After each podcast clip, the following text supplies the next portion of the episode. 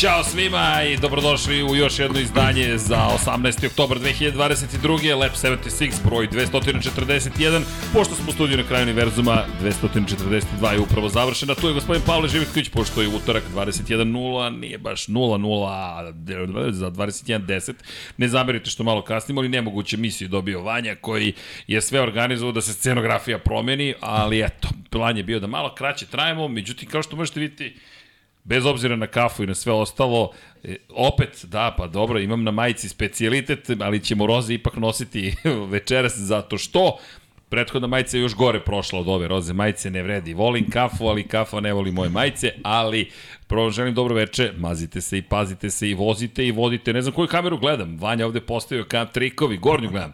Hvala Vanja, pre svega, koleginici se prode tu, tu ekipa cela gledalaca, jel te gužva večeras, eno tamo Valtteri Bottas ostao je fikus, ta, tamo nismo ga stavili iza tebe Pajo, ali želimo vam jedno lepo veče, udrite like i bitna stvar, dakle, krećemo od bitnih stvari, onda ćemo doći na treću najvažniju stvar večeras, ružičasti oktobar je u pitanju, naravno prva stvar, devojke, borimo se, to jest podižemo svest o borbi protiv raka dojke, Ja vas molim, kao što uvek molim i molit ćemo tokom celog oktobra, zato i nosimo roze majice, da povedete račune pre svega o sebi, potom samim tim i onima koji vas vole, momci, podržite devike kogod da je u situaciji da podrži nekoga ko se suočava sa time da ode uopšte na kontrolu da li ima rak dojke ili ne. To je prva podrška samo hrabro i ukoliko nešto postoji, ukoliko se rane, rano ili na vreme detektuje, može da se i izleči i poenta jeste upravo u toj ranoj detekciji. Tako da podižemo svest, to ne postoji krivac ili krivica u slučaju da neko oboli od raka, to je jedna opaka bolest protiv koje se kao civilizovano društvo svi zajedno borimo, a ovo je naš pokušaj da podignemo svest o toj borbi, tako da na vas pozivam da se prekontrolišete, samo kontrole prvi korak kod lekara, podrška porodice, bližnjih je uvek potrebna, tako da stanite u ćošak, što kažemo malo pre u prethodnom podcastu bokserski i podržite ljude do kojih, do kojih vam je stalo, tako mogu dugo biti uz vas. To je prva poruka, druga, standardno UNICEF za svako dete.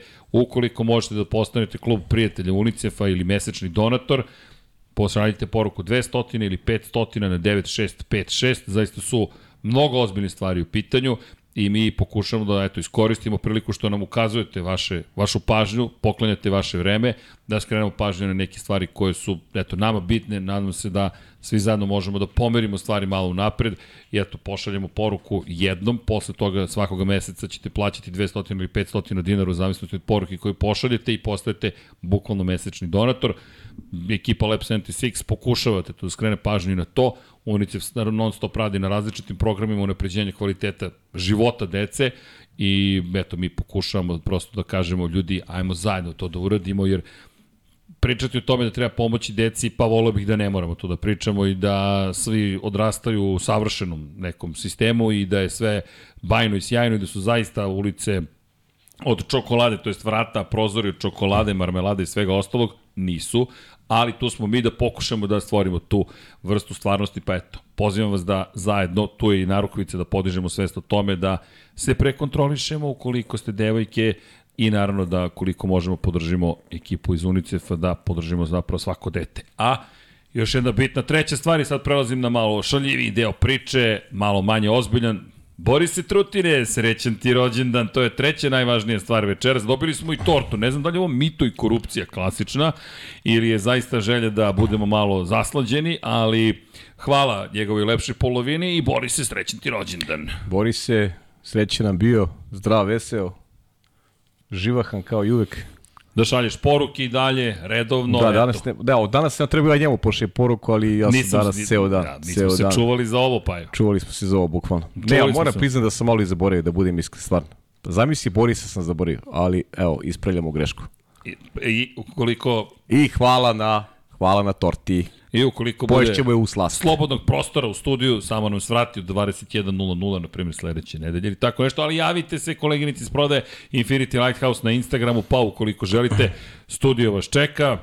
I opet sam zaboravio kameru da okrenemo na drugu stranu, ali bit će prilike i to da učinimo, pa kada bude sledeće nedelje ponovo Lab 76, potrudit ćemo se. Nadam se da nas nismo previše zbunili, pa mi kaže, sigurno smo zbunili ljude, pošto je MotoGP bio pre ovoga, kad smo poslednji put radili duplu dozu u isto vreme, to je istoga dana, nikada, ali Deki Potkonjak, naš dragi, sutra putuje za Istanbul. Ej, znaš da ide da vozi na Istanbul parku?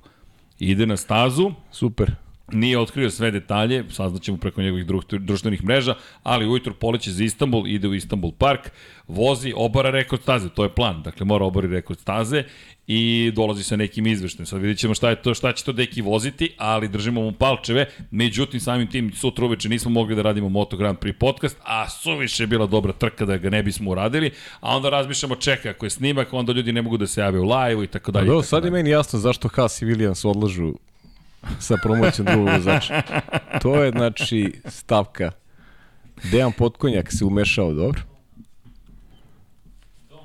Donacije.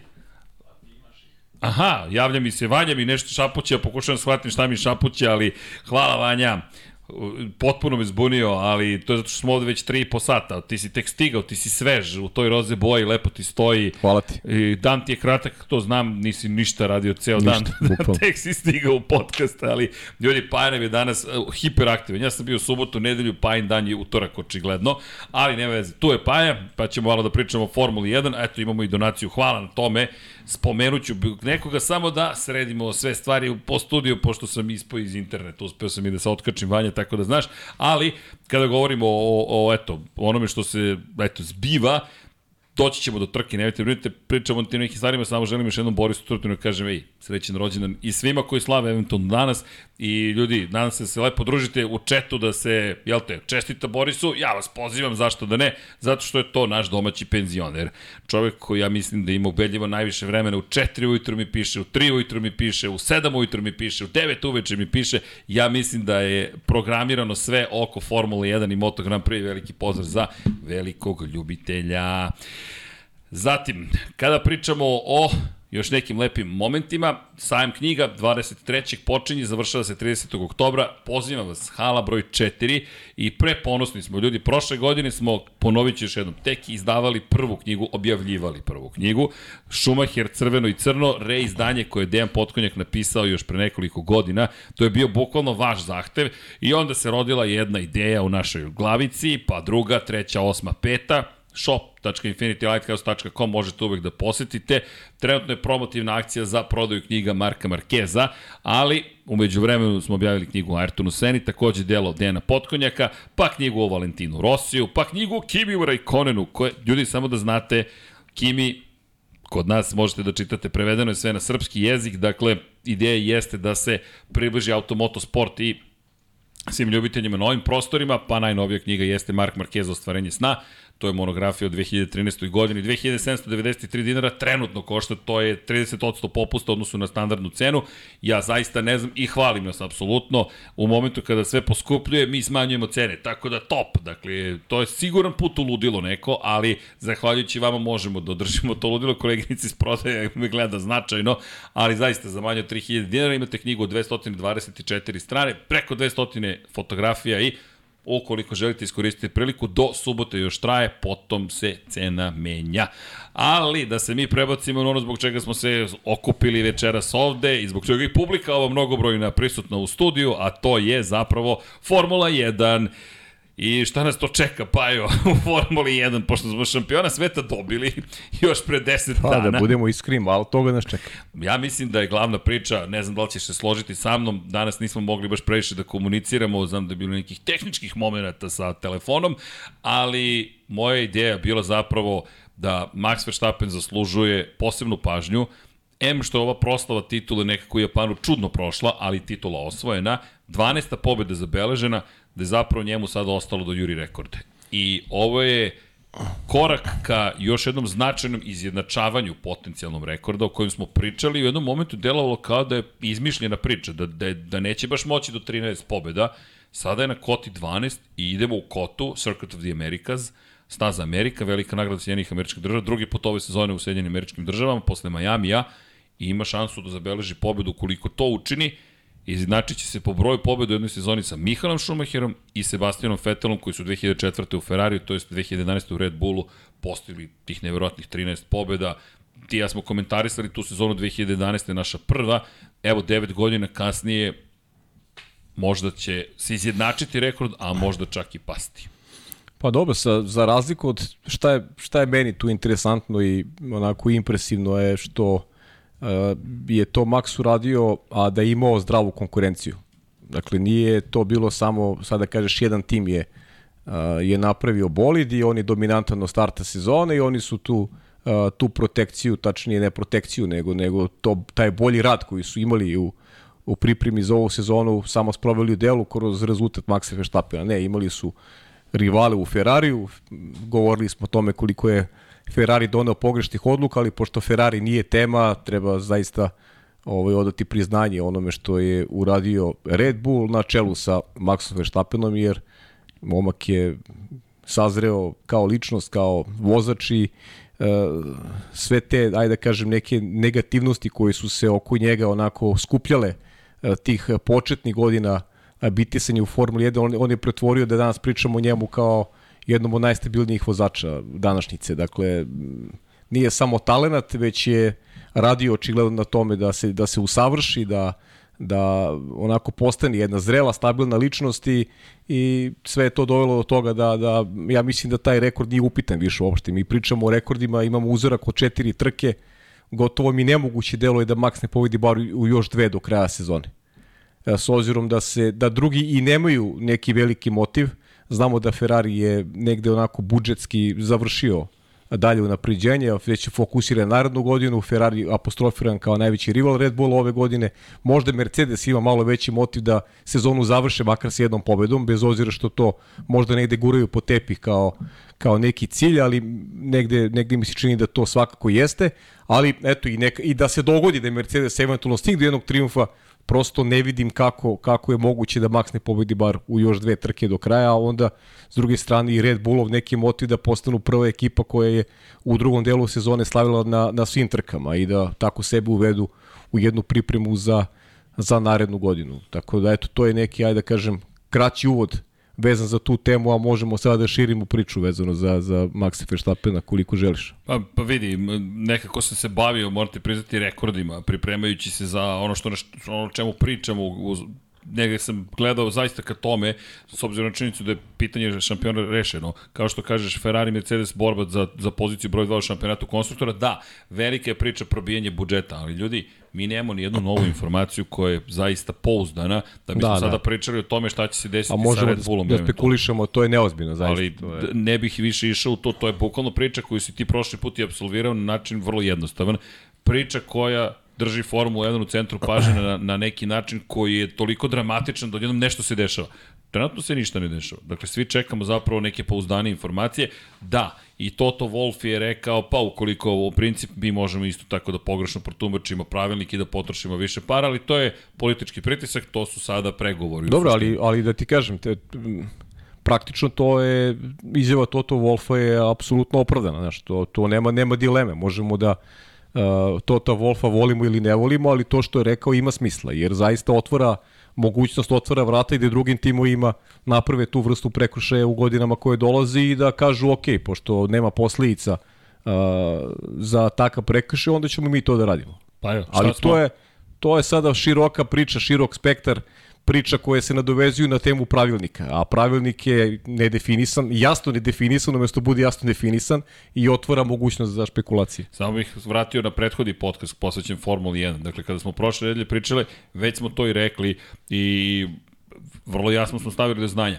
Okoliko kazne ne bude, to može da dovede do toga da ti zapravo padne u vodu kompletan sistem ograničenja budžeta. Yes. Kome odgovara da padne sistem ograničenja budžeta, najvećim timovima Tako mnogo je. više nego bilo kome drugom.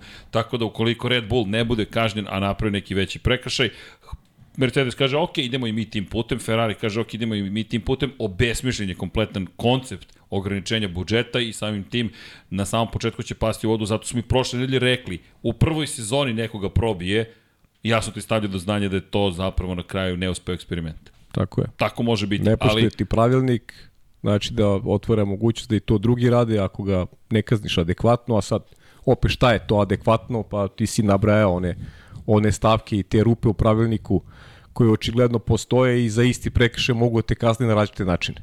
u zavisnosti toga kako taj pravilnik primenjuju. To I je, zato je ovo prva to kazna toliko važna, jer ti postavljaš nešto što će biti presedan.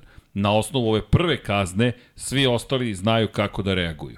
I stoga je mi nestrpljivo čekamo da vidimo koji je stav Međunarodne automobilske federacije po ovom pitanju i koliko je u krajnjem slučaju novi direktor, to je predsednik FIE, rešen da svoj autoritet postavi na visoku poziciju i da li uopšte to može da učini.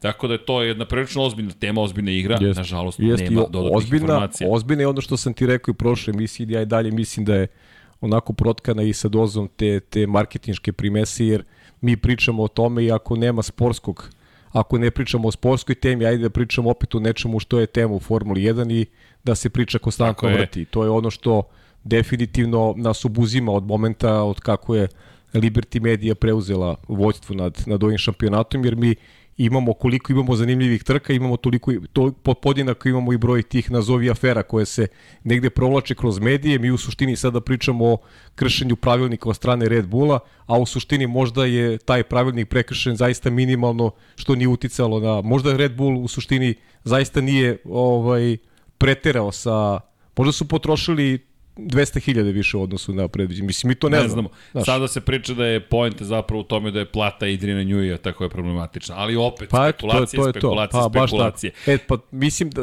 zato, Zato- zato, je ovo sve traje ovoliko dugo da bismo mi pričali. Zato sam negdje gledao da ovu veče posvetimo zapravo onome što se događa na stazi. A na stazi torta će mislim da odleti sa, sa stola, hvala vam.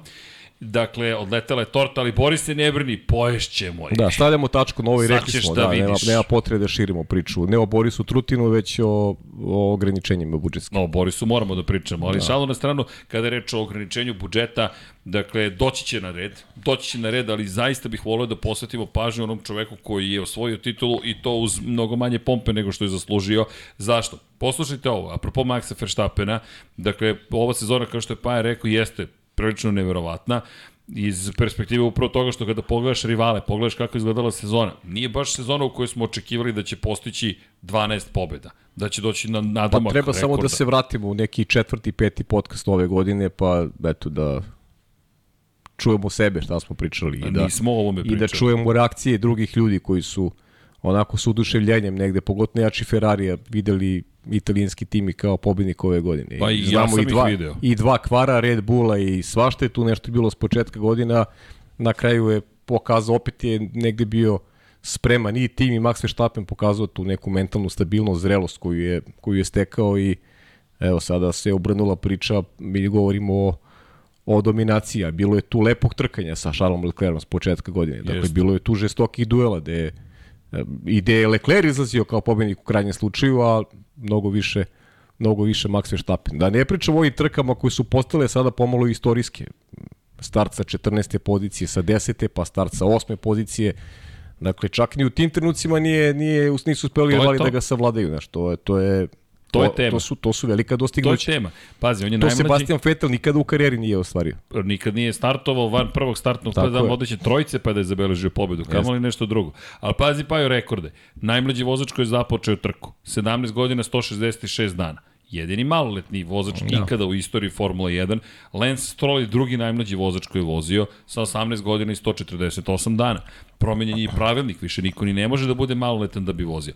Max Verstappen, pazi sad ovo, najviše uzastopno započetih trka, on je deseti u istoriji, 159 trka za redom ima u ovom trenutku, od 2015. godine velike nagrade Australije, zaključno sa velikom nagradom Japana. Ono što je zanimljivo, izjednačen je po tom pitanju sa Sebastianom Vettelom, koji je startovao u svakoj trci od 2007. u Mađarskoj do 2016. u Australiji tek je propustio tada trku. Zatim, Daniel Ricardo je trenutno jedini koji je od aktivnih vozača ispred njega. 228 započetih trka uzastopno. Možda su sitnice, ali čujte, govori nešto o ovim vozačima i zaključno sa Japanom, 228 trka, to traje. Međutim, neće voziti naredne godine Daniel Ricardo, tako da taj rekord će stati verovatno na 232 trke. Najviše što je iko imao uzastopnih započete trke je Lewis Hamilton, koji je velike nagrade u Australiji kada je započeo karijeru, do Bahreina 2020. vozio sve trke, 265 za redom. Ali već sada je Max Verstappen deseti svih vremena po ovom pitanju. Ispred njega Alan Prost koji je od Amerike 81. vozio sve do To je, 91. to je mnogo interesantno ovaj, negde analizirati i eto, sigurno ovo sad pričamo danas o Maxu, tek ćemo pričati, bit će dosta vremena u pauzi Naravno. između, između dve sezone da, da onako malo podrobnije se onako uhvatimo u košta sa onim što je karijera Maxa Verstappena i taj njegov uspon i, i kad ti uđeš u maloletan u šampionat, pa ne možeš da očekuješ od, od maloletne osobe da se ponaša zrelo i da, ne znam, bude najstabilniji u nekom, nekom da kažem, stanju svesti koji ima u tom trenutku recimo Lewis Hamilton i, i prolazio je Max kroz te različite faze odrastanja generalno u Formuli 1 i to je ono što je impresivno, kako je on bukvalno kako je rastao u tom šampionatu i kako je on sazrevao. I to je jedna onako lepa, lepa priča kako je opet sa malo godina u, kom, u kojoj fazi karijere je sada. A mislim da ga je kao ličnost izgradila ova prošla 2021. gde ti treba da izdržiš tu vrstu pritiska da se bori sa jednim od najvećih svih vremena, ako se, ako se držimo isključivo brojki, a ne znam šta drugo možda bude reper, osim nekog subjektivnog suda, koji svako od nas ima, naravno, mislim da brojke moraju da budu relevantne, da poštojemo brojke. I ako je suditi po brojkama, Lewis Hamilton je najveći iz svih vremena kada pričamo o brojkama. Max Verstappen je, je u jednoj e, zaista epskoj bici uspeo da, da, da pobedi Luisa Hamiltona i e, kažem, ta sezona 2021. iz mog ugla je benefit, benefit za sve ono što će Maxa u buduće čekati kroz karijeru, jer se profilisao kao neko ko će u budućnosti sigurno biti izbor broj 1 za sve timove. Ja verujem da će on ipak kroz karijeru u jednom momentu i utići iz Red Bulla, da će pokušati da, da napravi nešto i sa, i sa drugom ekipom. A, za sada je Red Bull pobednički tabor i u narednih par godina Maxa očekujemo u austrijskom timu, ali negde mislim da će, da će Max pokušati da sebe da sebe profiliše i e, kroz neku drugu ekipu. Ne, ne želim da nagađam uopšte koja bi to mogla da bude, u zavisnosti od trenutka, ali onaj ko bude napravio materijal za, za velika dostignuća, mislim da će staviti znak jednakosti sa Maxom Verstappenom, on će svako biti biti prvi izbor ka, ka tom nekom cilju i putu. Pazi, imamo četiri trke do kraja. Dakle, mi sada govorimo o tome da... Ja sam možda malo raširio priču, ali... Jesi, ali da. s pravom, pa ja bih rekao, pazi, ti ako pogledaš, dakle, oni imaju još četiri prilike da pobedi ove godine. Mi govorimo o potencijalnih 16 pobjeda u jednoj sezoni koja ima 22 trke. To je procenat uspešnosti preko 72%. Mi govorimo o nekim besmislenim brojevima. Znaš, kada pogledaš rekorde u pobedama po sezoni, on je već sada peti trenutno. Dakle, vidjet ćemo šta će biti na kraju godine. 12 pobjeda u 18 trka, to je dve trećine. Mi bukvalno 66,66%, 67 pričamo. Jedini uspešni njega su Sebastian Vettel koji te 2000, zapravo 13. Ja sam pogrešio 2011. sam rekao 2013. je zabeležio 13 pobjeda. Jedini, dakle, Michael Schumacher, Sebastian Vettel, to je Sebastian Vettel četvrti, pa Jim Clark sa 70 od 63. Michael Schumacher sa 72,22 od 2004. i Alberto Scari sa 75 od uspešnosti. Ali dobro, šest pobjeda u 8 trka za Scarija, 13 pobjeda u 18 trka za Schumachera, pazite, taj tek uspeh, 13 pobjeda u 19 trka za Fetela i 7 pobjeda u 10 trka za Jima Clarka. Inače, trenutno izjednačen, izjednačen sa Juan Manuel Fangijom, koji je imao 6 pobjeda u 9 trka 54. I, I zašto pričamo o ovome? Pa upravo o tome koliko je ovo sada postala impresivna sezona. I već je impresivno što je odbranio titulu toliko unapred, pet trka pre kraja, što je imao rivale koje je imao, Ti kada pogledaš, Ferrari je taj koji je, da, pomogao svakako svojim greškama, ali bez obzira, ovaj momak zaslužuje pohvale. Delo je suviše lako, inače, Sergio Perez je rekao, ljudi, sva ovo napređenja koje je, to je promene napravljeno bolidu Red Bull, sve to u redu, ali Max je taj koji donosi razliku. Dakle, rekao je sam samog sebe, ne, prosto ja ovo ne, ne mogu ne, da ispratim. Znaš kako, oni, oni, oni e, jedni drugi guruju napred. Max ekipu, ekipa Max. I to je onako jedna, jedna uzajamna veza koja, koja, koja funkcioniše fenomenalno, jer Red Bull je svestan da ukoliko nije na visini zadatka da može da izgubi uh, svoj najbolji proizvod. Max jeste najbolji proizvod Red Bulla kada pričamo o, o vozačima od praktično njihovog osnivanja, veći, ona kapitalac, on je najveći kapitalac, veći od Sebastiana Fetela, da budemo iskreni. Uh, I Red Bull zna da mora da mora sebe da, da, da, da, da gura do maksimuma kako bi na taj način zadržao uh, Holandjaninu ekipi. Jer znamo i te klauzule Maksove kakve su, znamo da te klauzule njega mogu da onako da kažem iz ugovora da ugo, iz ugovora žar, žargonski rečeno izvade i da se opredeli za za neki drugi tim dokle god je dokle god jedni drugi guraju na taj način mislim da će da će Max biti deo austrijskog tima ali kažem neki moj opet sada se onako isključivo baziram na subjektivnom utisku da će Max u nekoj fazi karijere poželiti da proba i, i, i nešto drugo, da proba da i sa nekim drugim timom e, ostavi trag i poput nekih ranijih šampiona koji su e, uspevali da sa više različitih timova budu, budu najbolji na svetu. A da li tipuješ na Ferrari? Ne, ne, ne tipujem nužno na Ferrari, tipujem na ekipu koju u tom trenutku tipujem, znaš kako, mislim da će ta odluka biti u skladu sa onim što je Lewis Hamilton svoje vremenu uradio. Na procenu ličnu, na procenu tima, Max ima dobar tim oko sebe, na procenu da taj tim možda mu ponudi da se da on bude konkurentan u borbi za šampionsku titulu. Jer Max je pokazao da ambicije za samim tim što i ove klauzule o kojima sam pričao su bile aktuelne i pre nego što je titulu osvojio. Max je bio u Red Bullu jer je video da ekipa može da napreduje i da može da ga odvede do ovoga e, što je danas, a on je danas dvostruki šampion sveta.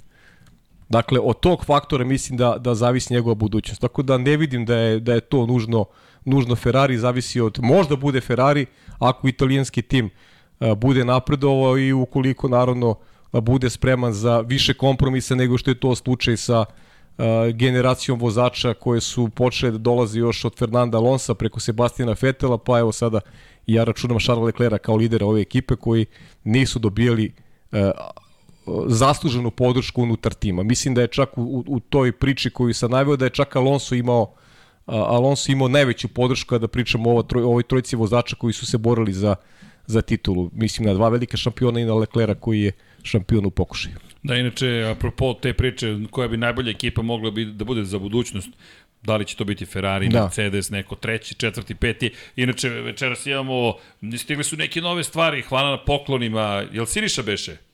Koleginici iz prodaje. Svetozar. Svetos. Dobro, ne znam što. Odmah se ljutite, što se toliko ljutite? Morate se opustiti, da budete malo radosniji.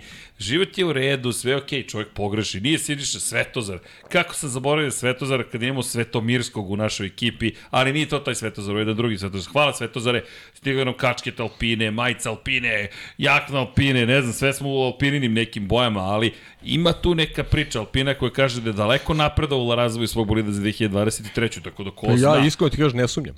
Pazi, Alpina, bez obzira na odlazak Fernanda Alonso, uz dolazak Pjera Gasne i zadržavanje Estebana Okona, deluje kao tim koji ne odustaje, ima svoju priču i ima svoju ideju, ali ja to čisto da spomenem. Pazi, to su dvojice vozača koji taj napredak mogu da uh, manifestuju kroz, kroz dobre trke.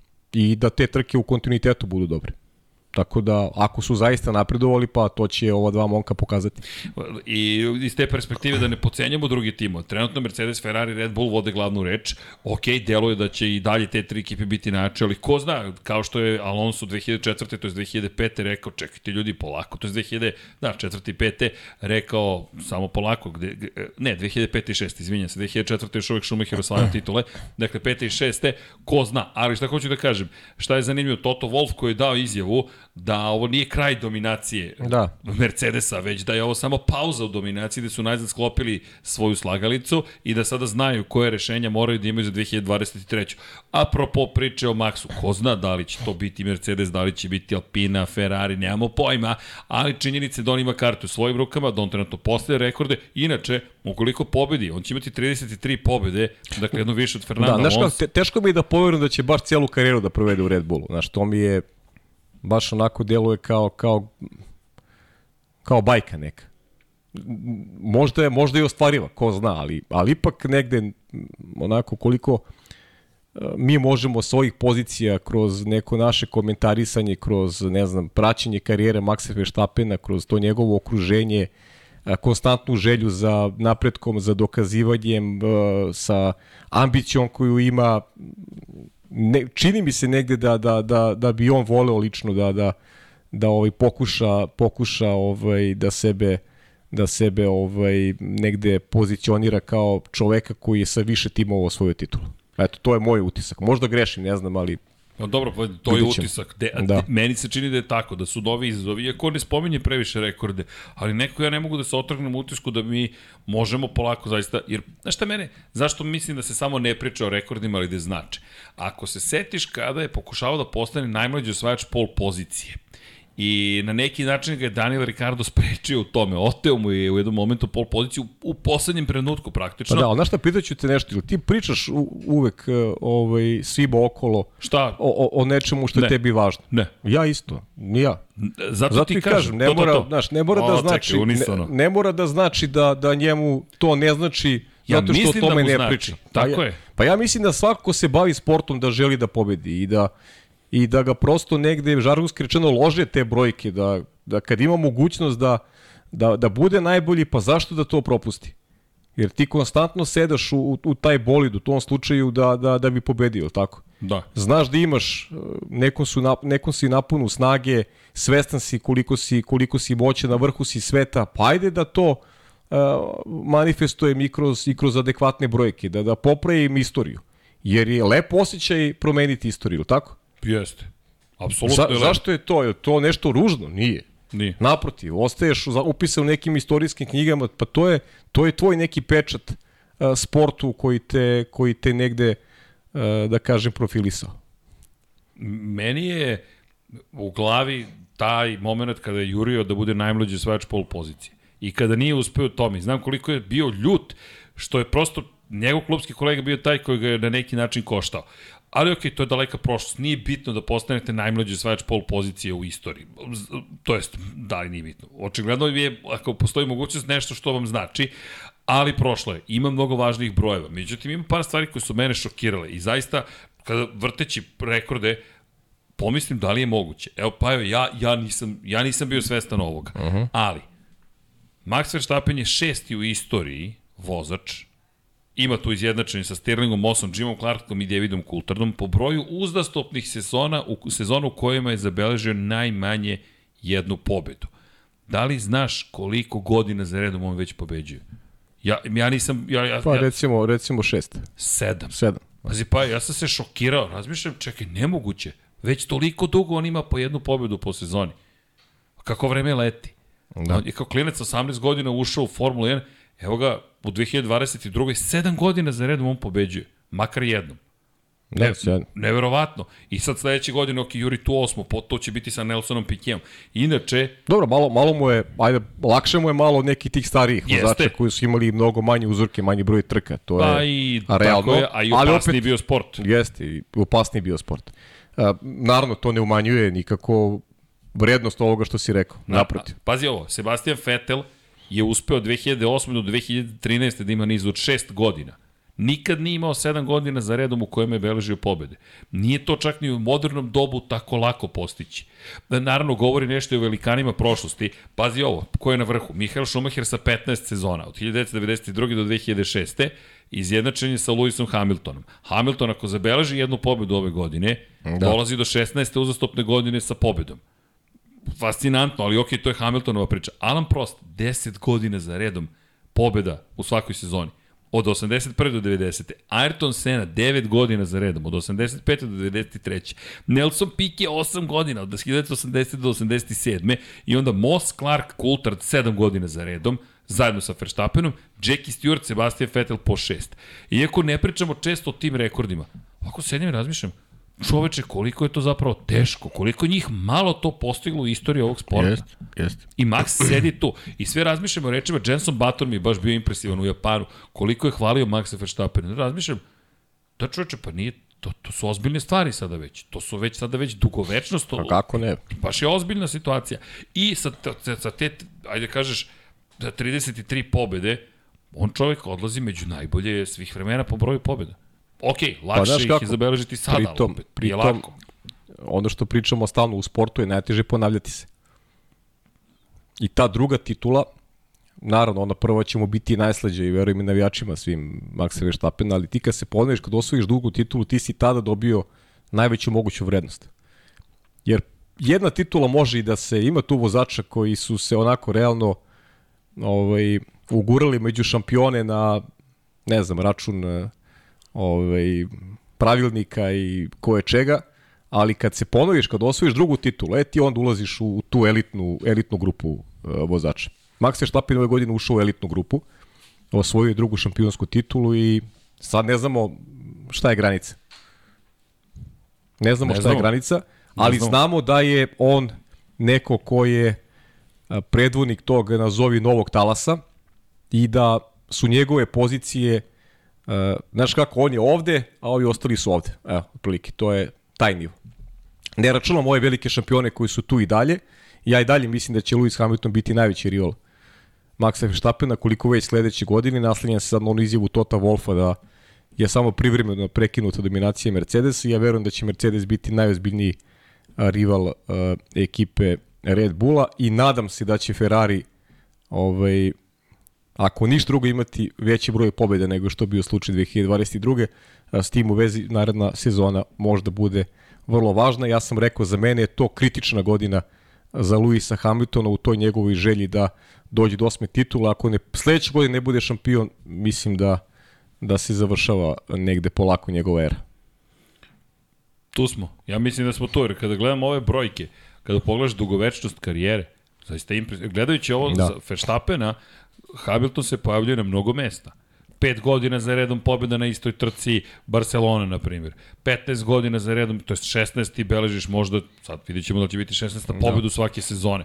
Znaš, neke stvari koje ne ostvaruješ tek tako, ne možeš ti dođeš do tih broja, dobro, 103 pobjede, 103 pol pozicije, ako nisi baš dugo tu i ono što si lepo rekao da se stalno ponavljaš. Inače, zanimljivo, Max ove godine je rekao, sada je to otkrio, da je posle velike nagrade Francuske već počeo da veruje da će osvojiti titul, jer je ogromnu prednost stekao u odnosu zapravo na Charles Leclerc u tom trenutku. Preokrenuo u potpunosti bodovnu razliku yes. i došao do toga da zapravo ima on ogromnu prednost posle velike nagrade Francuske. Znaš koja je razlika između Maxa recimo i šampiona koji su takođe bili mladi, Sebastian Vettel, Fernando Alonso koji su već osvojili dve šampionske titule ide u njegovim godinama. Razlika što je uh, su, su Alonso i Vettel tada već imali jasnu konkurenciju. Jasno definisanu konkurenciju. Vozače koji su mogli da ih pobede. A ti sada kad vidiš u ovoj generaciji Maxa Verstappena, nema tu mnogo momaka koji su naučili da se, koji imaju iskustva bitke sa njim. To je samo Leclerc iskusio, da, da ima tu neku otvornu bitku jedan na jedan. Ovi ostali, oni ne mogu se trkaju sa Maxom. Oni su tu ozbiljno za ostatku. Njima treba vreme da dođu u fazu da, da njega u kontinuitetu pobeđuju na stazi. Da li je to uopšte moguće da urade? To ćemo da saznamo u godinama koje dolaze, ali su, kažem, u značajno onako podređenom položaju u odnosu na, na Holandjanina koji je uh, onako ozbiljnim uh, ovako korecima ispred, ispred uh, konkurenata. I to ono što mu daje prednost u nekoj analizi onoga što donosi budućnost Formula 1 kada pričamo o, o pogledu timova, uh, uprtinka Maxu Verstappenu, timova koji mogu da obezbede uh, moćne bolide, o, o izboru njega samog, gde može da gradi mol potici nastava karijere i o samom učinku na stazi koji je već godinama nas da. Mi kad pogledamo 2021. i 2022. pa mi možemo da mu nađemo greške izbrojane na prste jedne ruke, bukvalno. I to je ono što je zanimljivo. Apropo ovoga što pričaš, gledamo, negde sam razmišljao o tim prvim šampionskim sezonama Alonsa, druga njegova šampionska sezona. Znaš, imao je ozbiljni duel protiv Mihaela Šumahira. Yes. I imao je istog rivala sezonu za sezonom, pobedio je u oba navrata, ali nekako bi delovalo kao da nije bio dovoljno zreo. Oslovljam se na reči Kristijana Hornera, šefa Red Bulla, koji je rekao da ubeđenje koje je imao u uspeh ekipe i zrelost koju je pokazao Max Verstappen, šta mene Iako on deluje ponekada hladnokrvno, očigledno da nije hladan u smislu da njegove reakcije, na primjer, konkretno iz Singapura govore u prilog tome koliko njemu stalo da uspeju. Dakle, to je svađa sa ekipom, negodovanje, javno, javni, javni pritisak na tim mi ukazuje na to da je očigledno neko kome je stalo do ovoga. Ali, s druge strane, kada pogledaš, on deluje kao da je nezainteresovan ponekada. Nije. Izuzetno je brz. E, ta hladnoća, ne sećam se da smo imali šampiona koji je osvojio dve titule i mislim da si u pravu. Negde sam sad, gledajući sad trku u, u Moto Grand Prix za Australiji, gledaš Marka Markeza kao predstavnik iz neke starije generacije. Ne kažem da su starije generacije bolji. Prosto on je došao gde se kalio? U vatri se kalio. Konkretno gde? Protiv Valentina Rosija, protiv Jorge Lorenza, protiv Danije Pedrose. Nije se susreo sa Casey Stonerom, ali to su bili rivali koji si ti morao da pobediš da bi osvojio šampionsku titulu. I on je uspeo u tome. Max Verstappen je morao da pobedi Luisa Hamiltona. I na osnovu yes. toga ti sad odjednom dolaziš do momaka koji nisu taj nivo. Nisu. Ne možda po talentu ili kvalitetu. Ne, nisu nemaju tu dosegli još ne, taj pa nivo. nemaju, nemaju to iskustvo. Tako je. Nemaju I to iskustvo, nemaju, nemaju taj osjećaj, nemaju, nemaju te navike pobedničke. Šampionski. To, to im fali. Šampionski, to im fali, dobro, fali, Pajo. pa to im fali Stalno u da poređenju sa. Maxom, da. I, I to je nešto što njega, što njega sad odvaja, jer mi ćemo nužno, to je, ne može Lewis Hamilton 50 godina da vozi.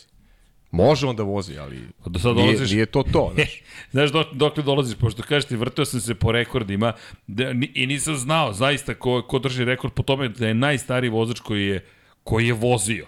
I onda gledam i razmišljam da li je moguće, pazi, sa skoro 60 godina, dakle sa skoro 60 godina, ajde da, da te pitam, nije nagradno pitanje, ali ja nisam imao pojma, da nije ni fair da te pitam. Luis Chiron je zapravo najstariji vozač koji je seo za volan Formula Da, 1. ne- ne bi rekao niko. Sa, da, da, pa, pazi ti to, ja ovako sedim i razmišljam, a nemoguće, sa 59 godina je čovjek vozio. Znaš kako, možda će Max Verstappenu biti najveći rival neki novi. Ne, 58, izvini. neki novi Da. da. Max, neki klinac koji se pojavi iz totalno onako rastereće nekih, e, da kažem, e, tih priča, priča na ovu temu. Ma neko ko sad odrasta sa njim i koga pa gleda ne, ne, i kaže... neko ko sad gleda i gleda neko i ko kaže, se sprema. od njega i ko, moram da ko, pobedim. Možda, možda ga mi ne vidimo kao, kao takvog šampiona, a on je. tu negde. A on je tu negde, znaš, da ne zove se ni. Lando Norris, ni George Russell, ni Charles Leclerc, da nisu to momci koji su već godinama tu, a, a kaskaju za Maxa Verstappenu, već neki novi klinac koji će se pojaviti i koji će nas onako talentom a, prosto sve negde oduševiti i najaviti možda neko novo rivalstvo. Nikad se ne zna. Pa, šta smo, nismo razmišljali o Maxu Verstappenu, pojavio se neki klinac. Ja se sjećam negde svoje reakcije, mislim da nisam baš dočekao to sa, sa Ne, nekim, sa pa nekim ni ovaj, ja. Da, baš smo bili kritični, znaš, daješ maloletniku da vozi, baš mi je bilo onako degutantno poprilično. To je meni bila neka anomalija apsolutno nepotrebna da, da pustiš klinca da uh, vozi sa odraslim ljudima. Pa delo je kao klasičan nepotizam. Ok, tata ti je vozio u Formuli 1, imaš dobre veze, Red Bull gura tu celu priču i ti si odjednom sada u, u, u, u Formuli 1. Ja, meni uopšte nije bilo simpatično u tom momentu. Ali, evo gde smo stigli. Eto. I od tog momka koji, ne zaboravite, pratio Sebastijana Fetela, koji je za ceo kru- krug obilazio vozače, a u istom krugu sa tim vozačima bio Max Verstappen u Toru Rosu Da. i šunjao se iza njega i preticao ljude po Monaku. Pazi, tad, tad nas je negde kupio tim ajde da kažem, mladalačkim bezobrazlukom. Ba, Kome potpuno padne na bezobrazlukom, pamet da. da. u Formuli 1 se šunja iza Sebastijana Fetela. Ček, ti se šunjaš iza Ferrarijevog vozača broj 1, ko, kome se svi sklanjaju zbog plavih zastavica i ti se samo ušmekaš i dok oni shvate da si ti tu, ćao, I, i do da kaže, čekaj, ovaj klinac nešto ima, e sad problem se desio što je u toj istoj trci imao čuveni incident sa Romanom Grožanom. A pa dobro, a to je sad, kažem ti, treba nam podcast jedan O, da, da samo malo, o tome. da govorimo o odrastanju, da govorimo o odrastanju Maxu. O nečem što je normalno, ljudi. Naravno. Setimo se sebe samih sa 17 godina. Ali, to ćemo posvetiti. Samo hoću da kažem da mislim da Formula 1 ne, ne gradi dovoljno priču o tome, pravi, bavi se skandalima koji nisu mali. Ljudi, to je potencijalno velik skandal. Ali, zašto se uopšte ne priča o tome da Max Verstappen može da odveze istorijsku trku? mislim, sad, sad moram malo da te zustim. Ko se, bavi, ko se bavi skandalima? Pa, pa, Pa pogledaj, ne, svi pa, mediji. pa ne, ali on, oni nam samo gurnu priču. ali ko, A mi se bavimo skandalima. E, ali ko se ne bavi? Lab Da, 76. Pa, ali, ali, znaš, on, oni ti puste mamac i onda ko upec na mamac, a danas, znaš, danas je, znaš Keder sam kako je, popularni. pa ne, znaš kako je novinarstvo generalno. Sve se po, polazi od neke negacije. Ajmo negacijom da se bavimo. Čim je negacija, odmah je to najgledanije, odmah, su tu, tu, odmah je tu najviše komentara, odmah to privlači pažnju. Kada su lepe priče, lepe priče ljudi nekako su oguglali na to i kao, kao da im se ne sviđaju lepe priče. Kao da traže stalno neku neko, Nešto loše. Pa nešto loše. Kao da ih ne, loži ih nešto loše. Ja stvarno to ne kapiram. Znaš. Nije, nije mi jasno. Ma, malo mi se ne sviđa taj put. A, moram priznati da smo negdje mi sami novinari krivi. Ogromna je, ogromna je ovaj, krivica nas novinara. A, moram priznati da mi je neka sramota što sebe zove novinarom, to da budemo onako potpuno iskren. A, ali to je Ja ću da nas branim. Ne, ne, okej, pričamo sada zato što, znaš, ono, Ne, prosto, to je naša profesija, Da. pričamo otvoreno, ali sramota me nekih stvari koje se provlače kroz medije koje su, znaš, e, e, dođe u situaciju da je sport postao magnet o nekim sportima, o nekim temama, ljudi se bave samo kad se desi nešto loše. Vidi. A mislim da to vrlo dobro znaju ljudi koji vode Formulu 1. i da oni nemaju ništa protiv negativnog publiciteta, da je njima važno da se, da se priča prodaje i da uh, Formula 1 negde dobija, na bilo koji način dobija neku navijačku basu. Pa je. To je neki moj utisak. Ovako, ajde, pa esnavski. Nažalost, mnogi ljudi se prvo nazivaju novinari koji ne bi trebalo. A to je, to je činjenica. Način na da. koji komuniciraju, to je druga stavka. Ali, ja ću da nam stanem u, u odbranu. Nadam se da mogu da nam stanem Pa u odbranu. ne, pa verujem da dobro, mogu. mislim iskreno ti ga stvarno ne, neću da budem lažno skroman, ja sebe ne vidim, u, ne vidim ni tebe, naravno, sedimo za stolom koji se ne bavi Tako je. tim stvarima, E. ali ti kaže, ne mogu da, ne mogu da pobegnemo od toga da smo Znaš, mi treba da širimo Ali, pozitivnu priču i da je. dajemo neke dobre smernice. Tako je, primer. Da li će neko na dobre smernice? Mi želimo da se ljudi upecaju po znacima navoda na dobre smernice. Da ne uzimaju nešto što im se potura kao stalno negacija, da, da, da ono stalno im bude glava, ne znam, u nekim aferama, haosima, uh, glupostima, idiotarijama, da sad ne idem u nekom pravcu koji ne dotiče sa naših čekaj, tema. ali to zato hoću ti kažem, stani. Tu te, hoću da te zaustavim, baš namerno. Ne znam da li si svestan, ali mi već dve i po godine pričamo o pozitivnim stvarima. Pa da, pa okej, okay, znam. I, I zato se zovemo Svetionik, Infinity Lighthouse, Lab 76. Zato je ovaj studio veseo. I ljudi, da li mi možemo da vam nađemo jeftinu temu koja će da privuče pažnju? Apsolutno. Možemo Sutra. uvek. Uvek. Evo sad, ovog sekunda, ali nećemo. I fokus jeste na pozitivi. Ljudi, mi prisustujemo istoriji Formule 1. Obrni okreni, mi prisutujemo istoriji Formule 1. Imate vozača koji je najmlađi u istoriji koji je pobedio, najmlađi vozio, postao najmlađi šampion, čovjek koji je najmlađi dvostruki šampion sveta. Mi govorimo o nekome koji je koji, koji je na putu da, u stvari, dalje najmlađi, moram da proverim to. Dakle, to nisam proverio da je najmlađi po tom pitanju, ali koji ima 12 pobjeda u ovom momentu i koji je dobio proslavu koja nije dostojna jednog dvostrukog šampiona, ali ja, ja namerno insistiram na tome. Imate skandal, imate fere. Super. Znate šta je meni lepa vest? Da je poslednja krivina u Ostinu dobila ime po Mariju Andretiju. A? Mario Andreti krivina. E, to je nešto dobro. M, M se zove Mario. Kako? Fetel. Da, Fetel, Fetel. Nego sam ja pogrešio. Sebastian Fetel. Da, da. Sjetio se čim sam izgovorio, onda sam rekao ne, seća se da ni taj rekord nije oborio. Ali, gde idemo? Idemo ka tome da ćemo prisustovati nečemu što možda niko nikad nije uradio. I kažeš, čekaj malo. Stani, ovo mora se obeleži. M, kažem ti Mario Andreti, najmlađi, ne najmlađi, nego krivina se zove po Mario. M se zove Mario, pa me podsjeća na Super Mario. M je Mario Andreti legenda, jedini američki šampion svih vremena u Formuli 1. M Andretijevi pokušavaju da uđu u Formulu 1. To su nekako pozitivne stvari. I ja se nadam da će Koti da, da, da naprave pravi pravi doček Formuli 1 kakav dolikuje. Nismo tamo gde smo bili prošle godine u ovo vreme, kada je Lewis Hamilton, nemojte zaboraviti, uzvratio udarac i poveo u šampionatu sveta, I onda je Max Verstappen morao u Americi zapravo da okrene tu situaciju. Pa smo išli u Mexico City. Pa dve pobjede za redom, pri čemu kakva strategija prošle godine u Americi. Setite se, se, se veliki nagrad Sjedinjih američkih država 2021. Ko ide prvi na zamenu guma? Ko izlazi prvi? Ko se brani? Kako izgleda kraj trke? To je bila jedna taktička uzrela pobjeda. Mislim, bit će dobre trke ove godine, sigurno do kraja, jer imamo taj moment. Pričao si o, o Maxu i želji Pa i bići za, za tim rekordima koje su nakon na dlanu su Ej, sada prosto, a naravno tu. i Lewis Hamilton ima svoju vrstu ambicije, imamo bitku između Alpine i, i McLarena takođe, ta bitka za četvrtu poziciju, tako da rešili smo šampiona, ali, ali gledat ćemo dobre trke, siguran sam u to do, do kraja godine. E, Alpina koja se sprema za 2023. A Zajdl, Andre Zajdl, čovjek koji vodi koji vodi zapravo ekipu McLarena, kaže mi nemamo šansu da se borimo sa Alpinom. On, on tvrdi da nemaju šansu da se bore protiv Dobro, Alpina. pa evo ti, Matija Binotto je sada tamo gde treba da bude. U, kod kuće. Kod kuće, u Maranelu. U, u Maranelu pripremi, pripremi bolide za narednu godinu i to je, to je, to je, tamo je mesto Mariju, o, o, Matiji Binotto. A uvek spremni Vanja Milinković. I pogledajte taktiku koju je imao Max Verstappen. Menjaju u desetom krugu, u 13. je menjao gume Hamilton. Zatim je u 29. krugu menjao Max Verstappen, pa u 37. je menjao Lewis Hamilton. Ako pogledate strategiju Red Bulla, Sergio Perez je u 12. krugu menjao, prešao sa korišćenih srednje tvrdih, tada ste morali da startujete na gumama na kojima ste se kvalifikovali za Q3 deo kvalifikacija, prešao na korišćeni srednje tvrde i završio trku na potpuno novim tvrdim gumama.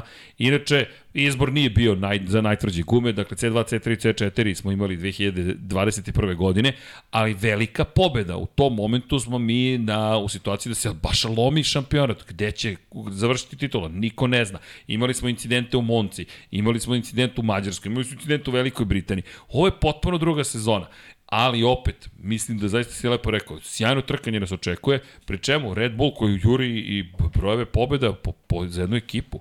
Pa jo, ti si lepo rekao, ćemo imati drugi deo sezone u kojoj Red Bull zabeleži sve pobjede.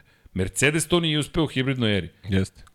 Meni je to fascinantno. Ja zaista ne mogu da verujem da mi prisustujemo sezoni koja je uspešnija od bilo čega što je Mercedes učinio u hibridnoj eri.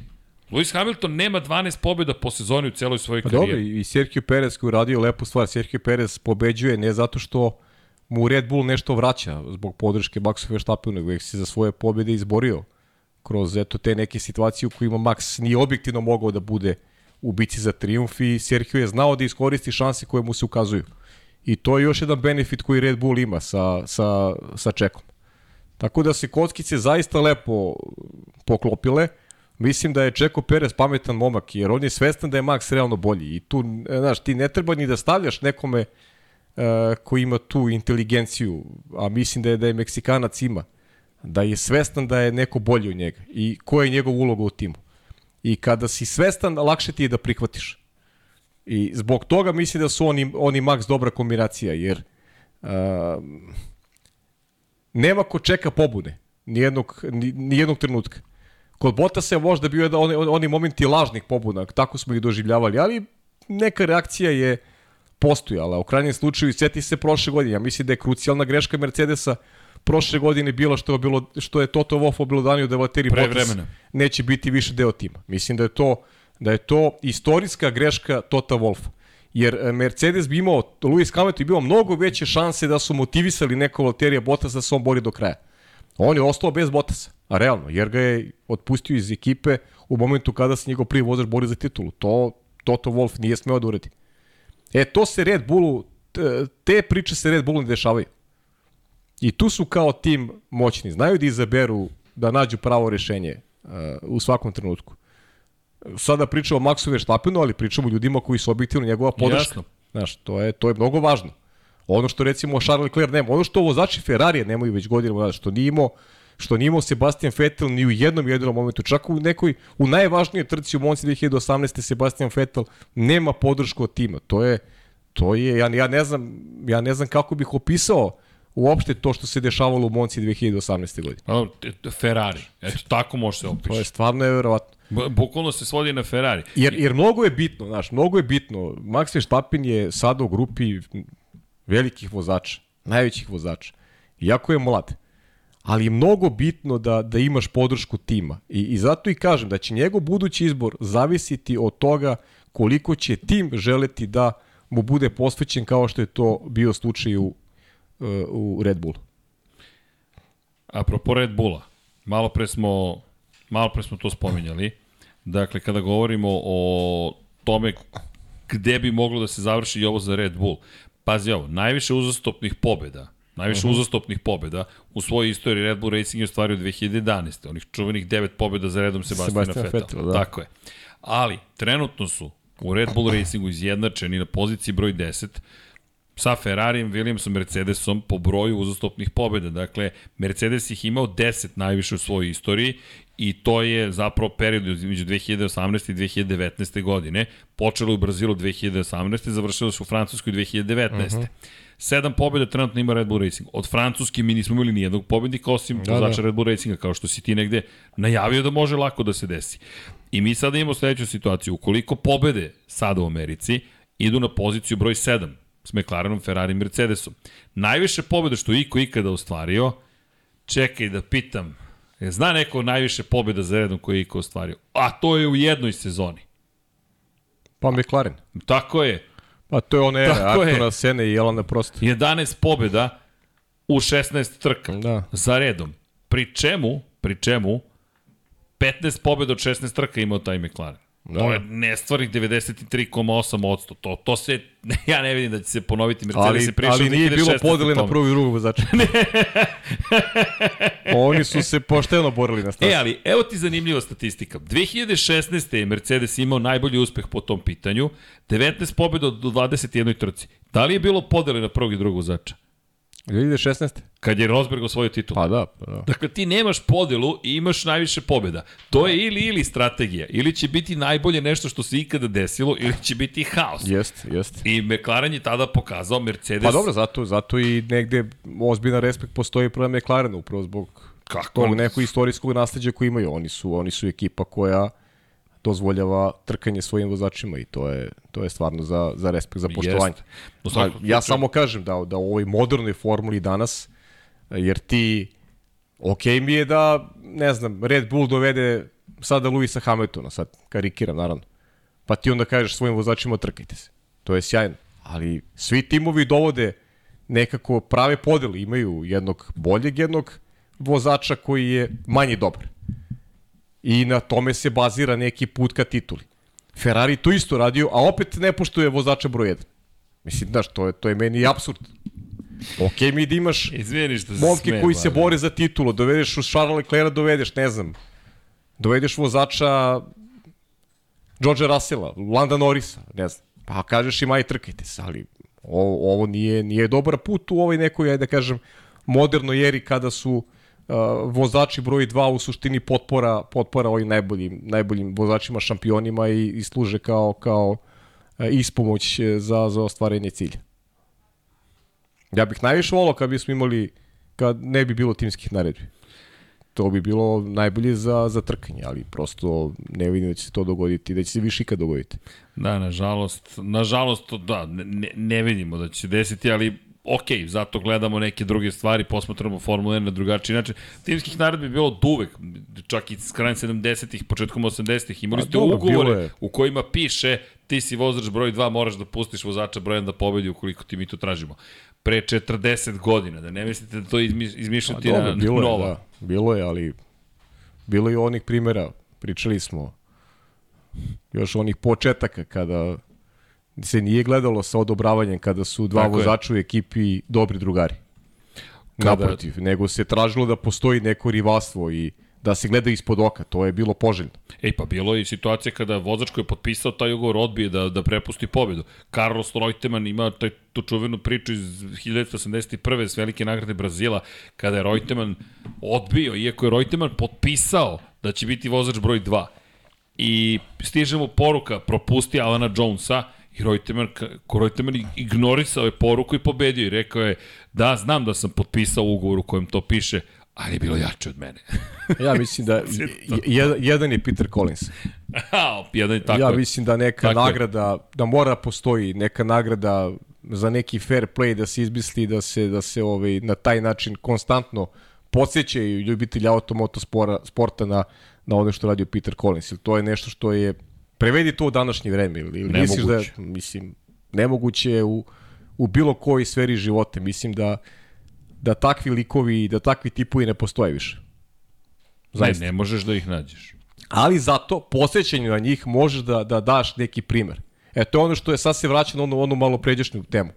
Hajmo da se bavimo pozitivnim stvarima, da pričamo o tome kako su neki ljudi kreirali istoriju na jedan jedan fair play koji koji onako prevazilazi da kažem sve moguće granice onoga što što ljudski um može da zamisli, zaista.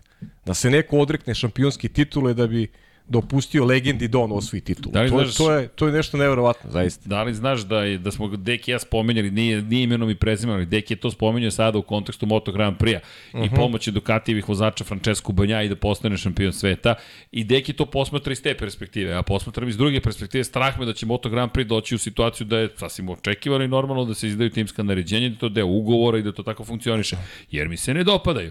I sada dolazimo do ove priče i Deki koji je spominjao, nije, nije rekao Collins, ali je rekao, seti se da su neki vozači davali svoje bolide da bi ljudi osvajali titule. Jest. I to jeste, to je, to je, to je, to je, to je, to je nepresedan, to je Ali ti daš svoj bolid, ali ti možeš da osvojiš titul. Ti možeš da osvojiš, tako Ti kažeš, ok, ima e. vremena, e. ja za mene ima vremena, evo ti osvoji titul.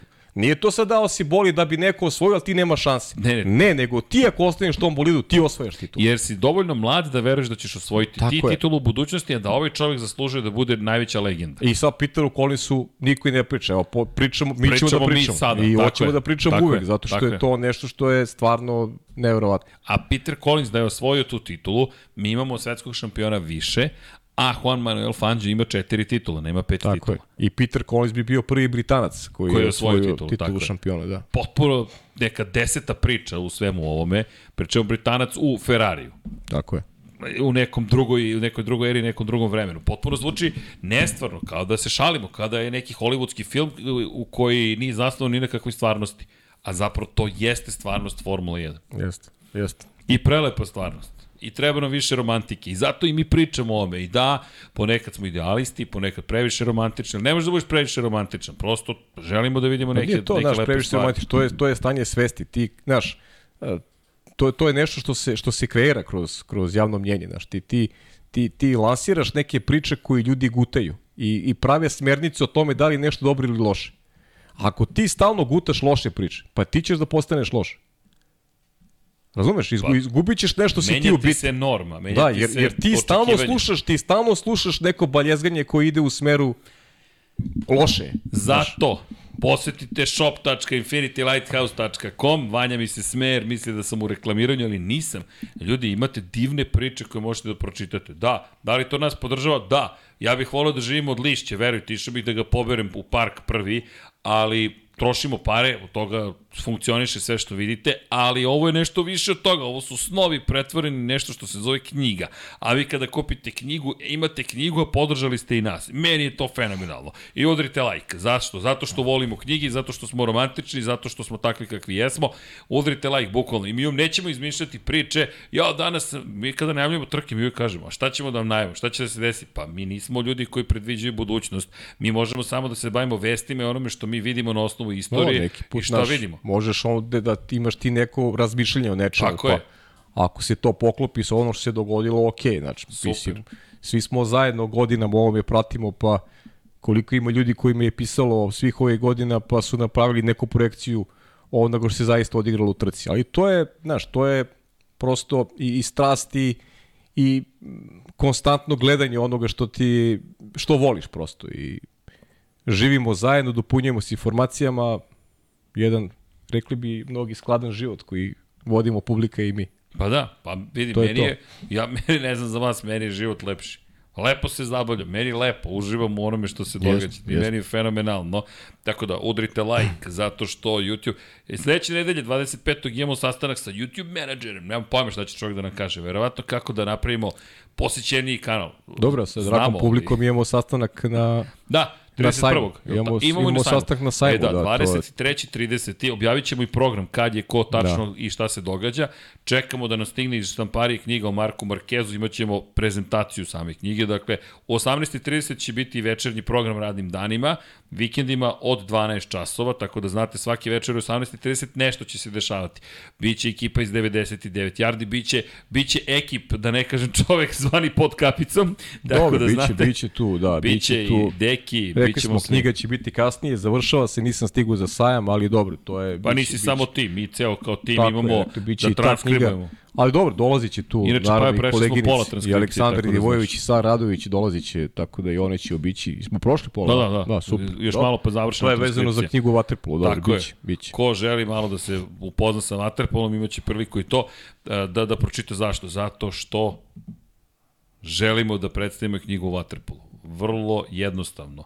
I to, bukvalno to je ono što, što mi volimo i rešili smo, kada smo, kažem, krenuli pre godinu dana sa knjigama, nismo, nismo imali nužno taj plan, ali Deki malo i razmišljao duže ili na duže staze, pa ja seo Pa dobro, zato što smo mi u osnovi svi krenuli iz tog bazičnog novinarstva. Taka, taka, taka, taka, Tako je, da. Kucanje. Kucanje i pisanje i to je neka, neka naša strast i, i koja je probuđena dodatno nakon što smo počeli da radimo ovo što radimo. Bare, barem u meni, ja sam jednom, jedan period izgubio potpuno onaj interesovanje za pisanje, ali eto, vratila mi se vratila mi se strast najviše zbog ovoga ovde. Eto. Što je opet Baš to je opet ta Nešto- povratak na tu priču, pozitivu, ajmo da Tako širimo je. pozitivu. Tako je. Dosta je više bilo negacija, negative. Samo pozitivno. Tako je. Da, samo pozitivno. I apropo pozitivno, imamo mi vesti, nemojte da brinete. Evo jedna lepa vest. Tata i sin, Magnusen stari i Magnusen mlađi vozit će u Ferrariju, naravno u Ferrariju, vozit će 12 časova zaliva, dakle bit će u trci sportskih automobila, čisto tokom pauze, da znate, svojevremeno smo mi prenosili tu trku, ne znam yes. da ćemo je komentarisati yes. ponovo, ali pa, eto. to je davno je bilo. Jeste, Jan prenosili i Kevin smo, Magnussen. Da, završnih par sati trke smo prenosili. Da. Mislim, išlo je ali bez naših komentara mi smo se uključili negde završnih par sati. I bilo je zabavno. Pa prosto gledate trkanje, uvek je zabavno komentarisati i prenositi trkanje. Inače, ima važnih vesti za trku u Americi. Ja bih krenuo od ljudi nekako. Ljudi mislim da su mnogo važni. Teo Porcher, Ljudi, Teo Porcher će se pojaviti najzad na stazi, dakle imat ćemo priliku da ga vidimo, dok čekamo završnicu sezone Formule 2, jel te, osvojio titulu Filipe Drugović, dakle, završena bitka, ali lepo vidjeti neka nova imena i prezimena kako polako se pojavljuju, nije da je veliko iznenađenje, ali činjenici da smo eto čekali da vidimo kada će dobiti priliku Teo Porcher, tako da znate, eto, Teo će biti za upravljačem Alfa Romeo, to je da ne da, kažem Zaubera. I ono što je Srki važno, opet imamo 90 minuta treninga broj 2. Jeste. E, imamo test za gume. I, I sada će biti vajda održan taj test konačno, bilo je kiše. Vremenski uslovi, znaš Vre... kakvi su? Sunčano, sunčano, sunčano, petak, sunčano, sunčano, sunčano, subota, oblačno, oblačno, oblačno, bez padavina u nedelju. Dobro, ali eto, znači, bit će trening broj 2 zanimljiv, da vidimo malo Tako kako je. izgledaju gume s narednog godine, eto, to je, dakle, 90 minuta treninga, lepo ćemo se družiti posle ponoći, Jeste. I to je to. Ozbiljan test. Inače, da. E, apropo guma, dosta se priča sada o gumama za kišu, s obzirom na činjenicu da... Da, to je ozbiljna tema. Ne možemo da dođemo do toga da se održavaju trke. Zašto? Nije samo pitanje, ljudi, e, stalno se priča o tome da ovi momci ne žele da se trkaju. Ne, ovi momci žele da se trkaju, ali oni su takođe svesni da Pirellijevi gume za kišu ne funkcionišu, ne funkcionišu kako bi trebalo da funkcionišu i to je ono što postaje sada već ozbiljan problem. Zašto? Pa neprihvatljivo je da ne govorimo o pravilniku koji ponovit ću, nije dobar zato što je implikativan, nije eksplicitan, nego implicira neko pravilo. Ili ti, zašto je trka u Japanu završena kako jeste?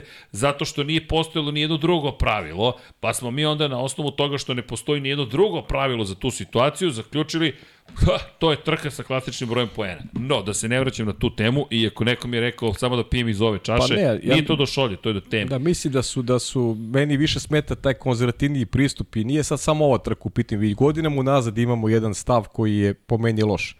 Bili smo u situaciji kada je bilo i mnogo manje vode na stazi, a kada su sudije onako prolongirale odluku o startu i ja mislim da ovim uslovima kojima se vozila trka u Japanu da je mogla da počne trka i sat vremena ranije. Ubiđen sam u to nego smo čekali posljednji trenutak da se ispuni neka forma. I da bi se to je ta rupa u pravilniku koju to izbeglo. Smo, da bi se to izbeglo, imamo sad novu ideju. Ajde. I to je ideja udruženja, dakle, vozača, Grand Prix vozača, G, GPDA, Grand Prix Drivers Association, Alex Vrć je direktor tog udruženja, ideja je da se uvedu takozvani informacioni krugovi. Šta to znači? Konkretno, smatraju vozači da nije, da je daleko od savršene situacije da vozilo bezbednosti bude na stazi testira koja je kakva je zapravo, kakvo je stanje staze i koliko vode ima na stazi. I samim tim smo došli u situaciju da se predlaže da se vozi Formula 1 koja će voziti informacione krugove. Dakle, imaćemo bolid koji će biti zadužen da izađe na stazu i da prove, sad, što, ima tu dosta pitanja, ali ideja je zapravo da neko da procenu ko je vozač Formule 1 i neko ko je u bolidu koji će se zaista koristiti za trkanje. Što jeste potpuno drugačije. Porediti Aston Martin, koliko god da je sportska verzija tog Aston Martina u osnovi, a i u napređenju, ili Mercedesa, nije isto. Mi ovde govorimo, ljudi, zadnja guma jedna ima širinu od 400 5 mm. Dakle, mi govorimo o 40 cm širokoj gumi. Vi imate metar gume pozadnje. Ko šleper da prolazi. Bukvalno. Dakle, mi govorimo o neče sasvim desetom. Ne možemo da pričamo o tome da je ista stvar kada prođe bolid Formula 1 i kada prođe automobil. Samo imate sjajna poređenja nekih fotografija na autosportu gde vidite kako ide bolid Formula 1 i vidite vozilo bezbednosti. Vozilo bezbednosti ima pritom ima blatobrane, ima potpuno drugačiji dizajn. Ovo su open wheels, otvoreni točkovi. Dakle, samim tim mora bolid da prođe. I sad, FIA je rekla, Međunarodna automobilska federacija, da, da želi da čuje više o tome, da želi da razmišlja o tome. Ono što je tu sada potrebno jeste da li imate vozilo koje se koristi u samoj trci, zašto? Pa tu sad postoji problema. Koliko je taj bolid korišćen, koliko mu je korišćen motor, koliko je goriva bilo unutra, kako se dosipa gorivo i tako dalje. Ono što ja se nadam da će neko uraditi, napraviti neku vrstu bezbednostnog bolida, ajmo da ga tako nazovemo. Hej, napravite bolid koji, koji je u vlasništvu FIE i to je to. Ne znam, Mercedes, Aston Martin neka dobiju pare da ga napravi, koristite iz prethodnih godina neki model i to je to. Zar to nije isto pozitivno nešto? Ili imate vozilo bezbednosti i jedan takav bolid. Sad samo širim priču šta se može da se uradi, ali mora da se reši upravo ovo. Mi da smo imali tu vrstu testa, možda bismo ranije krenuli u Japanu. Možda bi neko rekao, ljudi, spremni smo za trkanje. Setite se samo, pa setite se u Monaku, Koliko su vozači tražili da se pa, pusti trka? Pa to ti kažem, mnogo, je bilo, mnogo puta je bilo ignorisanje mišljenja vozača.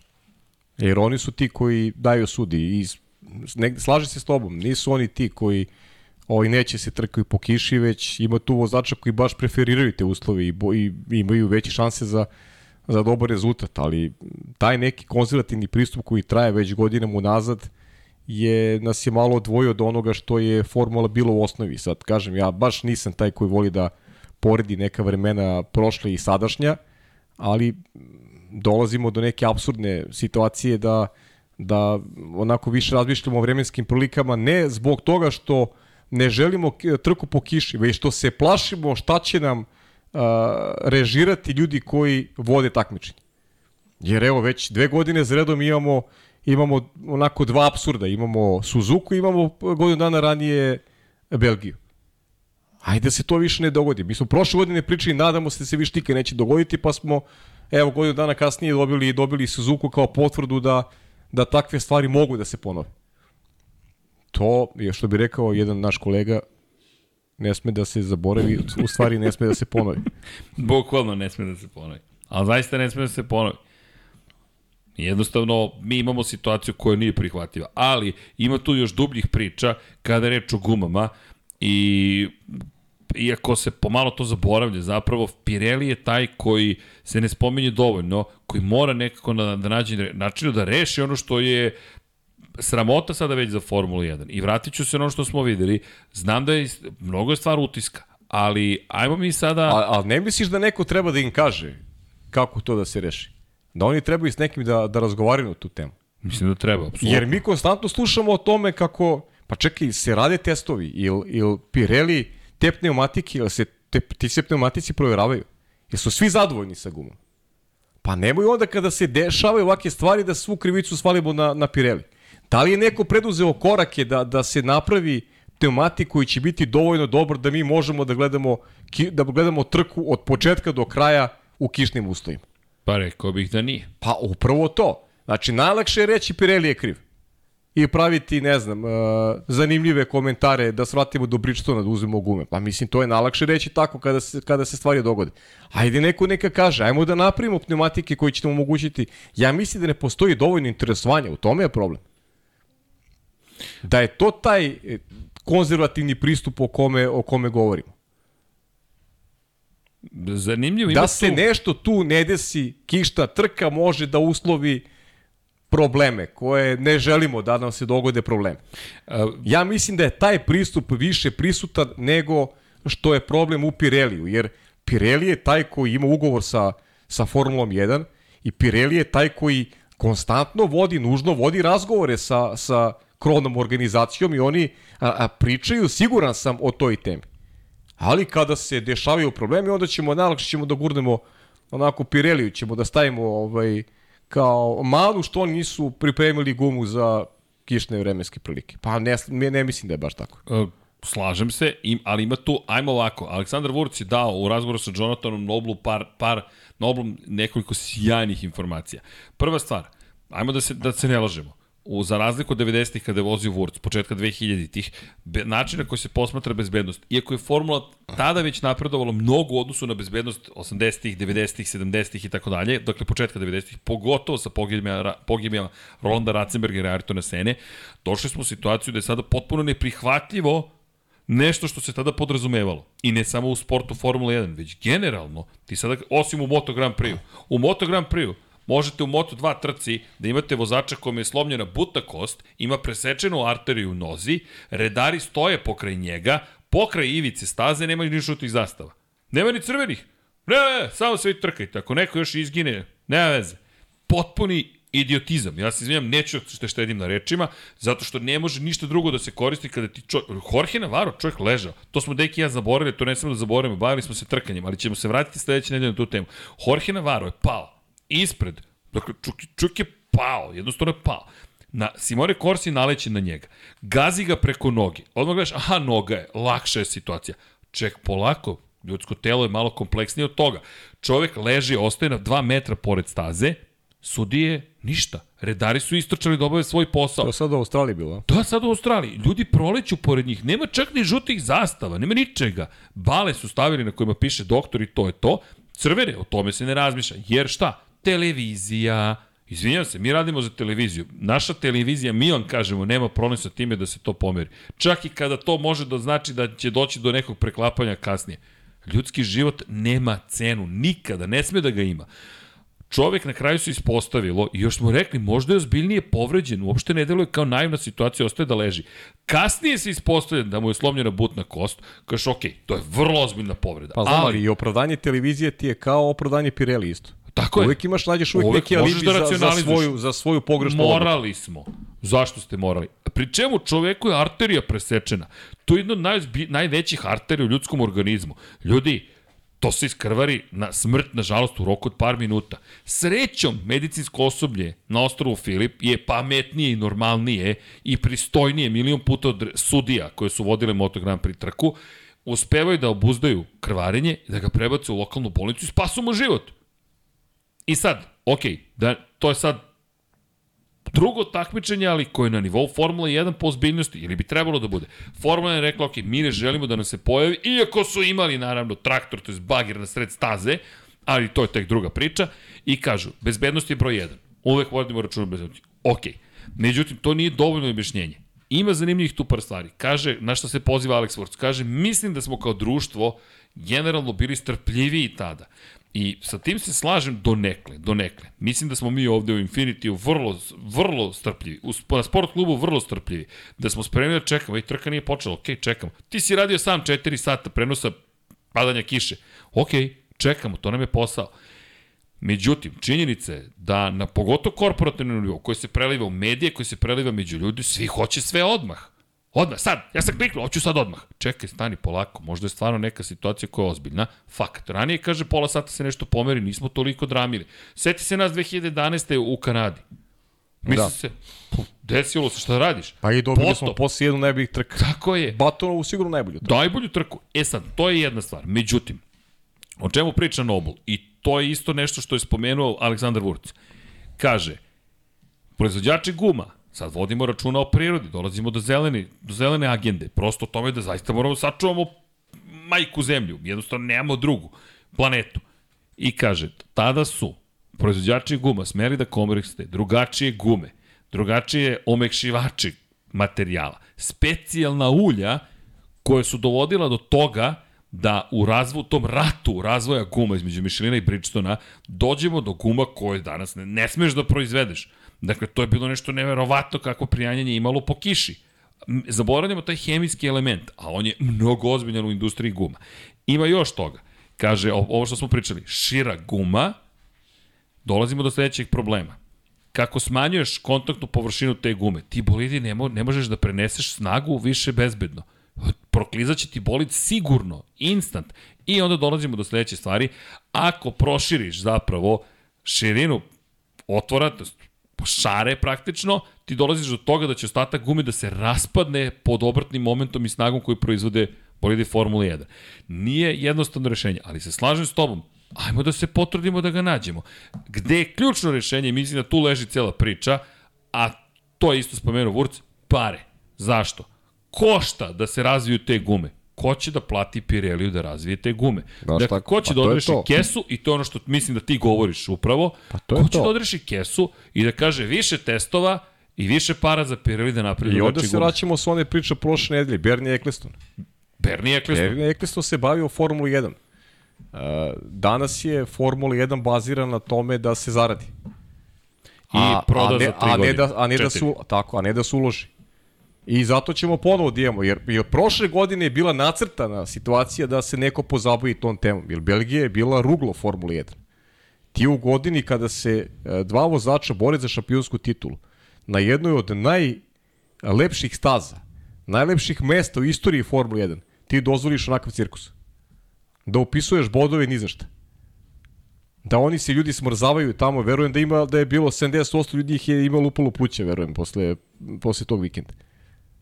Svakako imalo loše uspomene. Katastrofa. Sedelo i I čekalo. da ti dozvoliš da neko sjedi 4 sata, da nemaš reakciju, da, da još taj absurd sa dodelom bodova, mislim da, da, da se ne vraćamo na to. I tebi to nije dovoljno da napraviš u tom pogledu da kažeš čekajte ljudi, ovo stvarno, ovo ne sme da bude ogledalo našeg sporta, ajmo da uradimo nešto. Ti godinu dana kasnije dobiješ Suzuku. E, to su stvari koje su problem. To je ono što, što takmičenju e, ne sme prosto da, da, da, da bude da bude dopušteno da, da, da trpi. I gledalcima da, da to e, da to gledaju. Vrlo jednostavno. Max Verstappen se ponudio. Svetski šampion, dvostruki, nije najmlađi, moja greška, ja se izvinjam. Nije, Ne znam nije, kako nije, sam opalio tu Pa nije, glupost, da. ali dešava se. Prosto toliko je najmlađi, ali nije. Hvala Vanja. Fetel je najmlađi, a pošto je osvajao i drugu, i treću, četvrtu godinu za godinom, neće niko biti mlađi od njega. U skorije vreme se neće verovatno pojaviti, to je verovatno jednog dana. Fa, Max svakako i da osvoji još i treću i četvrtu za redom, ne može da bude najmlađi dvostruki, trostruki, četvorostruki i tako dalje, može da bude drugi najmlađi. Tako da to je moja greška, ja se izvinjam. Ja nisam ni čuo kada si to rekao. moram Malo ti priznati. palio sam malo pre. O, u celoj situaciji pa me Vanja pogledao zbunjeno rekao, Da, Petar, Petar. Fetel, Fetel, koja igrici s prode nije bilo tu, gađala Dobro, bi me i verovatno Alonso, šestama. Je tu negde isto. Da, a- ali me čula tamo u pozadini. Alonso je tu negde, da, takođe, ali, ali ne znam tačno gde. Ali se ponudio svetski šampion, pa evo, pročitat ću kasnije rekorde po pitanju toga ko je najmlađi bio, višestruki i šampion i tako dalje, ali je point u tome da je Max Verstappen rekao, ljudi, ove gume, plave gume ne služi ničemu. Inače, tri puta više vode, zap, tri puta veću zapremenu vode istiskuju plave gume u odnosu na zelene gume, gume za promenje vremenske uslove. Nešto moramo da uradimo po tom pitanju svakako, jer vidi, sad se svi bavimo ovim. Inače, rekao je Verstappen, nisam zaista hteo nikoga da, nikome da, nikome da spustim, niti da, da, da usmeravam negativnu pažnju na nekoga, ali nama su potrebne bolje gume od ovoga. I više sam nego spreman da testiram nekoliko dana ukoliko žele. Ne mora samo on, neka svi testiraju, neka imaju poseban test. Setite se Ferrarija kada su bili slobodni testovi. Bukvalno su mokru stazu koristili. Schumacher je testirao na mokroj stazi. U, u po bela dana kada nema, nema oblačka. Zašto? Pa ceo Fiorano se zapravo pokrije vodom i vi testirate gume za kišu. To može da se uradi. Videli smo i ove godine na početku sezone, hvala Hasanu Bratiću na fotografijama, kada su cisternama pokrili vodom, vodom su pokrili celu stazu u Barceloni da bi testirali gume za kišu.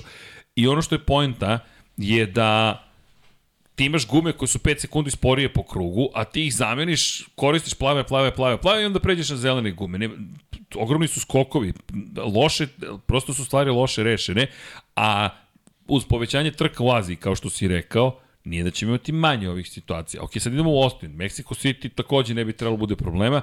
Ne znam kako će biti u Brazilu, ali ljudi, bit će ih sve više. Inače, Saudijska Arabija se ponudila da organizuju dve trke godišnje. A najveći problem, inače, kod ovih A to ovde... je dobro, tamo nema kiše. Tamo, tamo nema kiše. To, to, To ima. treba razmotriti ozbiljno sad. Pa bolje, bolje dati Arab, Arabiji da ima dve trke nego, nego uložiti u Pirelijeve gume. Isplativije. Zaradit ćeš tamo, ovde ne moraš da uložiš ništa i super. Da bežimo sa svih staza gde, gde postoji opasnost od kiše. Gledam te u šoku, jesi ozbiljan, Pa zato shvatio da si naravno da i, sam i te ironičan. Pa to sam, to, to sam pričao i tokom to ne trke u Japanu koje nije za primjer uopšte i sve ono što se dešavalo, ali aj sad da od- opet Ali- upadamo u zamku. Ali ima još lakše rešenje, koje možda se neće dopasti puritancima ili čak ni meni izgledom, ali najveći problem jeste zapravo količina vode koju bacaš iza sebe. To je najveći problem. Ok, da možemo da rešimo nekako. Banalizovat ću blatobran, da se tako izrazim, ali možemo to da rešimo na neki način. Imaš poseban dizajn praktično za trke po kiši. Zadnji kraj. Znam, kompleksno je, opet košta i tako dalje, ali ajmo da nađemo rešenje.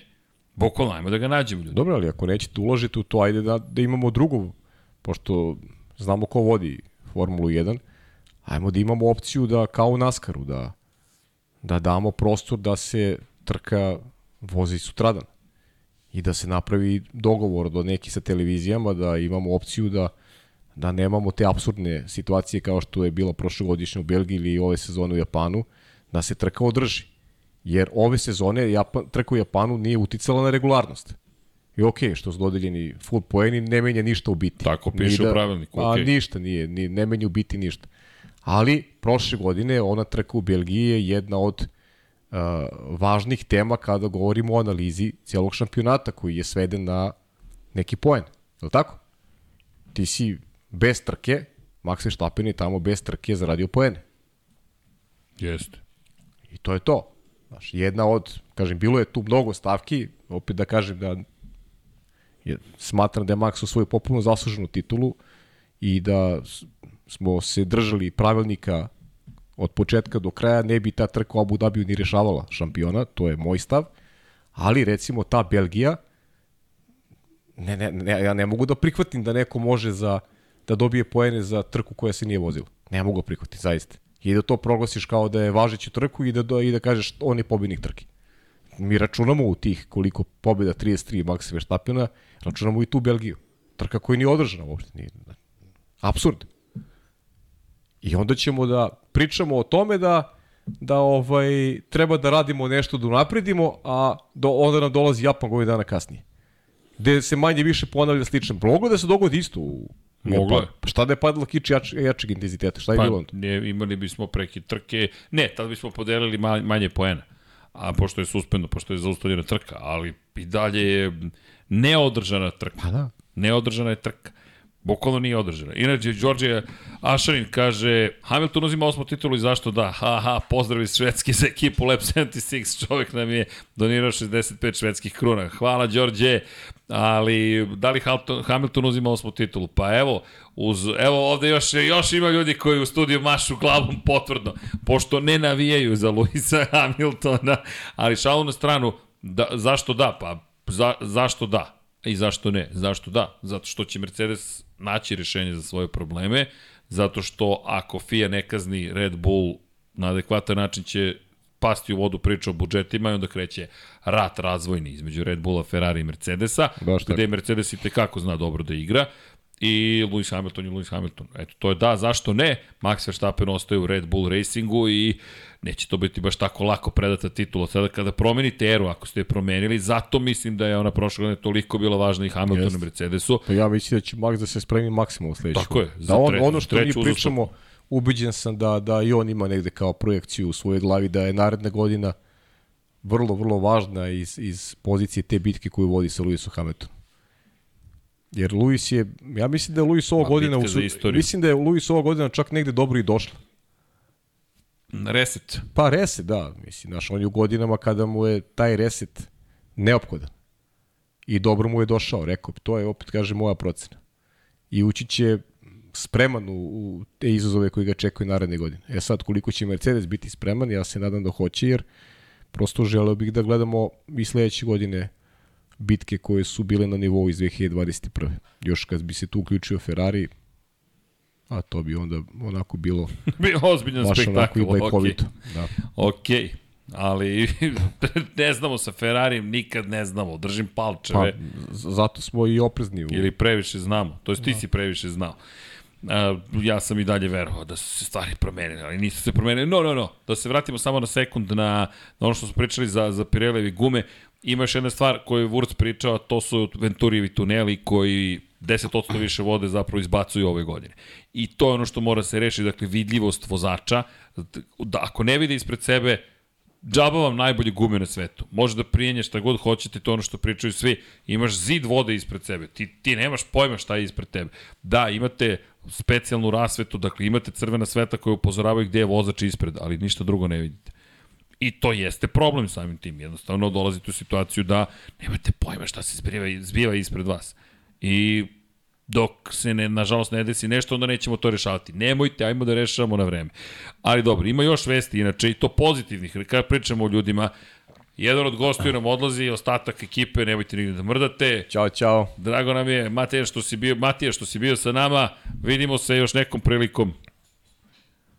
Dakle, Dakle? Kada pričamo o ljudima, da ne zaboravim, McLaren McLaren koji takođe će imati izmene kada je reč o, o treninzima broj 1 i ovde i u Abu Dhabiju. Dakle, Pato Ward i Alex Palou dobijaju svoje šanse i imaće priliku da sedu najzad u bolide Formula 1, konkretno u Sjedinjim američkim državama, umesto Daniela Ricardo u prvom treningu od 60 minuta. Alex Palou dolazi na red i to je čovek koga nismo toliko spominjali, ali Pavle nije da ne zaslužuje svoju šansu u Formuli 1. Čovek je ipak osvojio titulu u Indikaru pre, prošle godine, tako da lepo je vidjeti neko novo ime prezime. Španac je u pitanju inače, i Meksikanac je inače Pato Ward, tako da ćemo imati prvi da vidimo neka nova lica, neke nove nacije, eto Sergio neće biti jedini Meksikanac, na, makar u trenutku na stazi, pa eto, čisto da spomenemo da. i te ljude. Inače, Palou za Chip Ganassi vozi, tako da je, eto, i to... Poznata ekipa, da. Tako zanimljivo. Ono što je zanimljivo jeste da je da koristi Honda zapravo u svojim u svojim nastupima u Indikaru. Ove godine inače bio peti, iako je pobedio na poslednjoj trci sezone, ali činjenica je da, eto, neka nova lica malo dobijamo priliku, a Pato Ward je čovek koga znamo iz Indy Light serije gde je svoju titulu, osvojio titulu u, u, u sportskim automobilima, pa eto, i dosta se spominje često Pato Ward. Nije da je dobio do sada prilike, ali eto nečeg lepog iz te perspektive. Pa eto, da ne zaboravimo da imamo, ima tako, još, još nekih vesti iz, iz, iz Formule 1 i nije ih malo.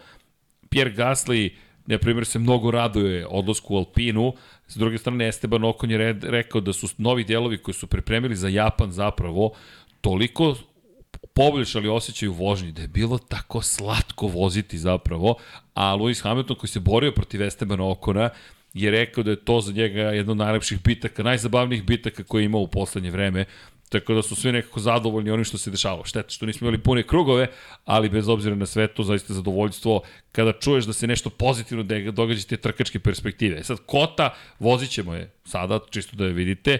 Imamo mi priču o Naskaru, imamo, imamo malo i tamo i kontroverze, malo tuče, malo tako neke čudne situacije, standardno već možda. Klasika. Klasika, rekli bismo. Ali eto, čisto da spomenemo i to, ne, nećemo da zaboravimo svakako s obzirom na činjenicu da volimo NASCAR, pa eto, de dešavaju se uzbudljive stvari na ovaj na, i onaj način, ali eto, Kota samo po sebi ne dozvolja baš previše preticanje, više očekujem tamo, ne znam ti, pa evo, tehničku, stratešku borbu očekujem. Jeste, pa da, pa to je, to je suština, da. Ima zabavne delove, ali nekako nije baš da ti dozvoljava da, da lako pretičeš. I iz te perspektive, uh, to mi nedostaje u koti, moram ti priznati. Baš, baš mi nedostaje nekako tu ta vrsta uzbuđenja. Ali zato, kažem, strategija može da odigra baš veliku ulogu i kada pogledamo ko je sve pobeđivao ovde, nije baš potpuna dominacija Mercedesa. Ko je pobedio 2018. za Ferrari? Miau, miau, miau, miau. Da. Kimi Raikkonen, tako da znate. Red Bull prošle godine, pre toga Mercedesi su zaista dominirali. Inače, Valtteri Bottas je pobedio 2019. ovde, to je jedna od tih staza koje je pokorio Bottas i Max prošle godine. Austin koji nam je na kalendaru 2012. Inače, priča se ponovo o tom, ne, neko je autosport je pokrenuo kampanju, ne kampanju, nego pitanje gde biste volili da se održava trka za veliko nagradu Sjednih američkih država. I naravno da se Glenn spomenje, jer Watkins Glenn ne može da se ne spomene. Neko je napisao od naših gledalaca Laguna Seca.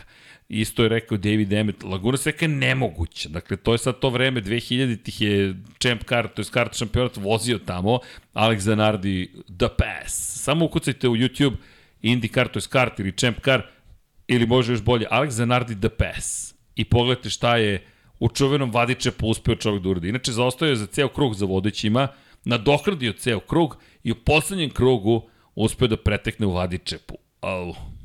S bolidom, da. Ceo bolid je proterao nuda. Ja volim Watkins Glen, ali mislim da Watkins Glen za ove moderne formule to više nemoguće mizije. Mora staza da se baš onako ne značajno, kako bi se to izvelo, pa, pa nikako, znaš, to, to, to bi mogli da voze onako, vozić jedan, jedan, to bez preticanja trka, ali apsolutno. Pa ne, ne možeš, ja ne znam kako bi skretali tamo. Mi pa da, govorimo o bolidima od 5,5 pa metara da, dužine. Su, su više uska staza, znaš, to je baš nemoguće misli. Da, mislim da bi, mislim da bi to zaista bio problem. Jedva i NASCAR bili tamo, ovaj, uspevaju da da napreduju kroz kroz obilaženje. Ali zna da bude zabavno NASCAR tamo. Da, da, da. Da ne Pa, kažem da je sigurno. kontakt zagarantovan na, Pa, mislim, na Glenu. Kontakt je uvek zagarantovan u NASCAR-u, to, to nema dileme. Da, ali dobro, pre nego što pobegnemo na NASCAR, samo da eto, spomenemo, kažem, ima vesti, zanimljivih priča, ne znam, meni je, na primjer, zanimljivo, apropo da kažemo i, i, i cijele ove situacije, je li sve u redu, pa ta stolica, nešto te, Da, nešto muči me večeras. nešto te muči ta stolica. Ja, propada desna strana stalno. ja, i stalno gledam kako, kako, šta ovako, srećem ne vidite to u kadru, ali sve okej. Okay. Da, inače, zanimljivu izjavu dao Pedro de la Rosa, opet, eto, popunjava se nekako prostor, nije da ima nekih spektakularnih vesti, ali je propo Aston Martina i Fernanda Alonso i rekao je da neće biti nikakvih problema u odnosima s Fernandom Alonsom ukoliko budu iskreni i otvoreni prema Fernando Alonso i je ukoliko pokušaju bilo što da sakriju od Fernanda, to će biti, to je zapravo ono što će biti problem za ekipu, to jest, ali ja mislim da to važi valjda za svakoga, ukoliko si neiskren, pa ne znam šta očekuješ, da, da, da kakav odnos zapravo gradiš i šta očekuješ da će se tačno desiti. Tako da, ali dobro, eto, Pedro de la Rosa se oglasio. Ili makar svi pokušamo da nađemo neke nove vesti i informacije u momentu kada je rešeno pitanje šampiona sveta i ti znaš da je 2023. uveliko zapravo u toku i da je sve zapravo krenulo sada da se odvije u nekom drugom smeru. I činjenice da, da, da apropo te priče, bit će zanimljivo, obratite pažnju na Mercedes u Ostinu. Zašto? Imaćemo unapređenje kod Mercedesa, do sada su imali dosta problema sa težinom, međutim ono što bi trebalo da se desi jeste da se uloži u razvoj WR14, dakle bolide za sledeću godinu. I ono što je zanimljivo da je zapravo Mercedes saopštio, obratite pažnju na Andrewa Šolina i zvanične videe na Mercedesovom kanalu, YouTube zvaničnom, dakle ono što je rekao jeste da je ovo završna stanica zapravo u razvoju bolida, to je razvoju aeropaketa za sledeću godinu i to ćemo imati prilike da vidimo u Ostinu, tako da ćemo s pažnjom da pratimo, apropo malo pređašnjih pitanja, da li može, da, to je zašto će osvojiti titul ili ne. Šolin je rekao da zaista mnogo uče i da ono što uče mogu da prenesu na sledeću godinu. Takođe uspeo da, tim da smanji težinu određenih delova, tako da bi trebalo da se približe toj čuvenoj granici od 593 kg i sve to nekako, koliko ste navijač Mercedesa, govori u prilog tome da zaista možete da očekujete zanimljive informacije iz Ostina. Hajde tako da se izrazim, pošto zaista deluje da tim ne da ne odustaje, nego da će ono što je Toto Wolff i najavio uraditi sve, ne bili se nastavila dominacija koju su imali. Pa eto, čisto da, čisto da to napomenem.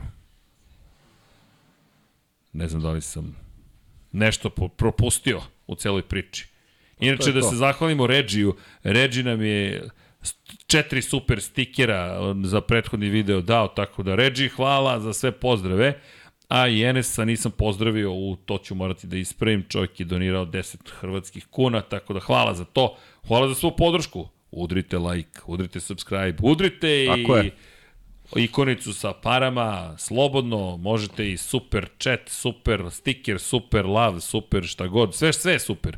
A koleginici s prodajem iskreće pažu da nešto treba da da uradim. A to je da, da proverimo Patreone. Hvala. Da li imam poruku na Patreonima, kod, kod Patreona, 31 oktobar, samo da ponovim, verovatno 18.30, Deki, Paje i ja, javljam naknadno za ekipu 99 yardi, Vanja Miksa, Jimmy i opet ja, ali trudit ću se da ćutim, oduzet će mi mikrofon, pa se blago nasmeo na ovo, ali eto 31. oktobra ćemo se družiti. Inače, pozdrav imamo svi od Vladimira Filipovića, hvala što ste prokomentarisali moje poruke u podcastu, osjeća se kao da je ekipe Lab 76, pa naravno da ste deo ekipe Lab 76, to jeste suština cele ove priče a i drago mu je posebno što si ti složio s njegovim komentarom. Pa kad ste pametne stvari komentarisali, onda Paja, naravno, se pa, dobro. složi. Šalom stranu, Vladimir, treba vama za podršku.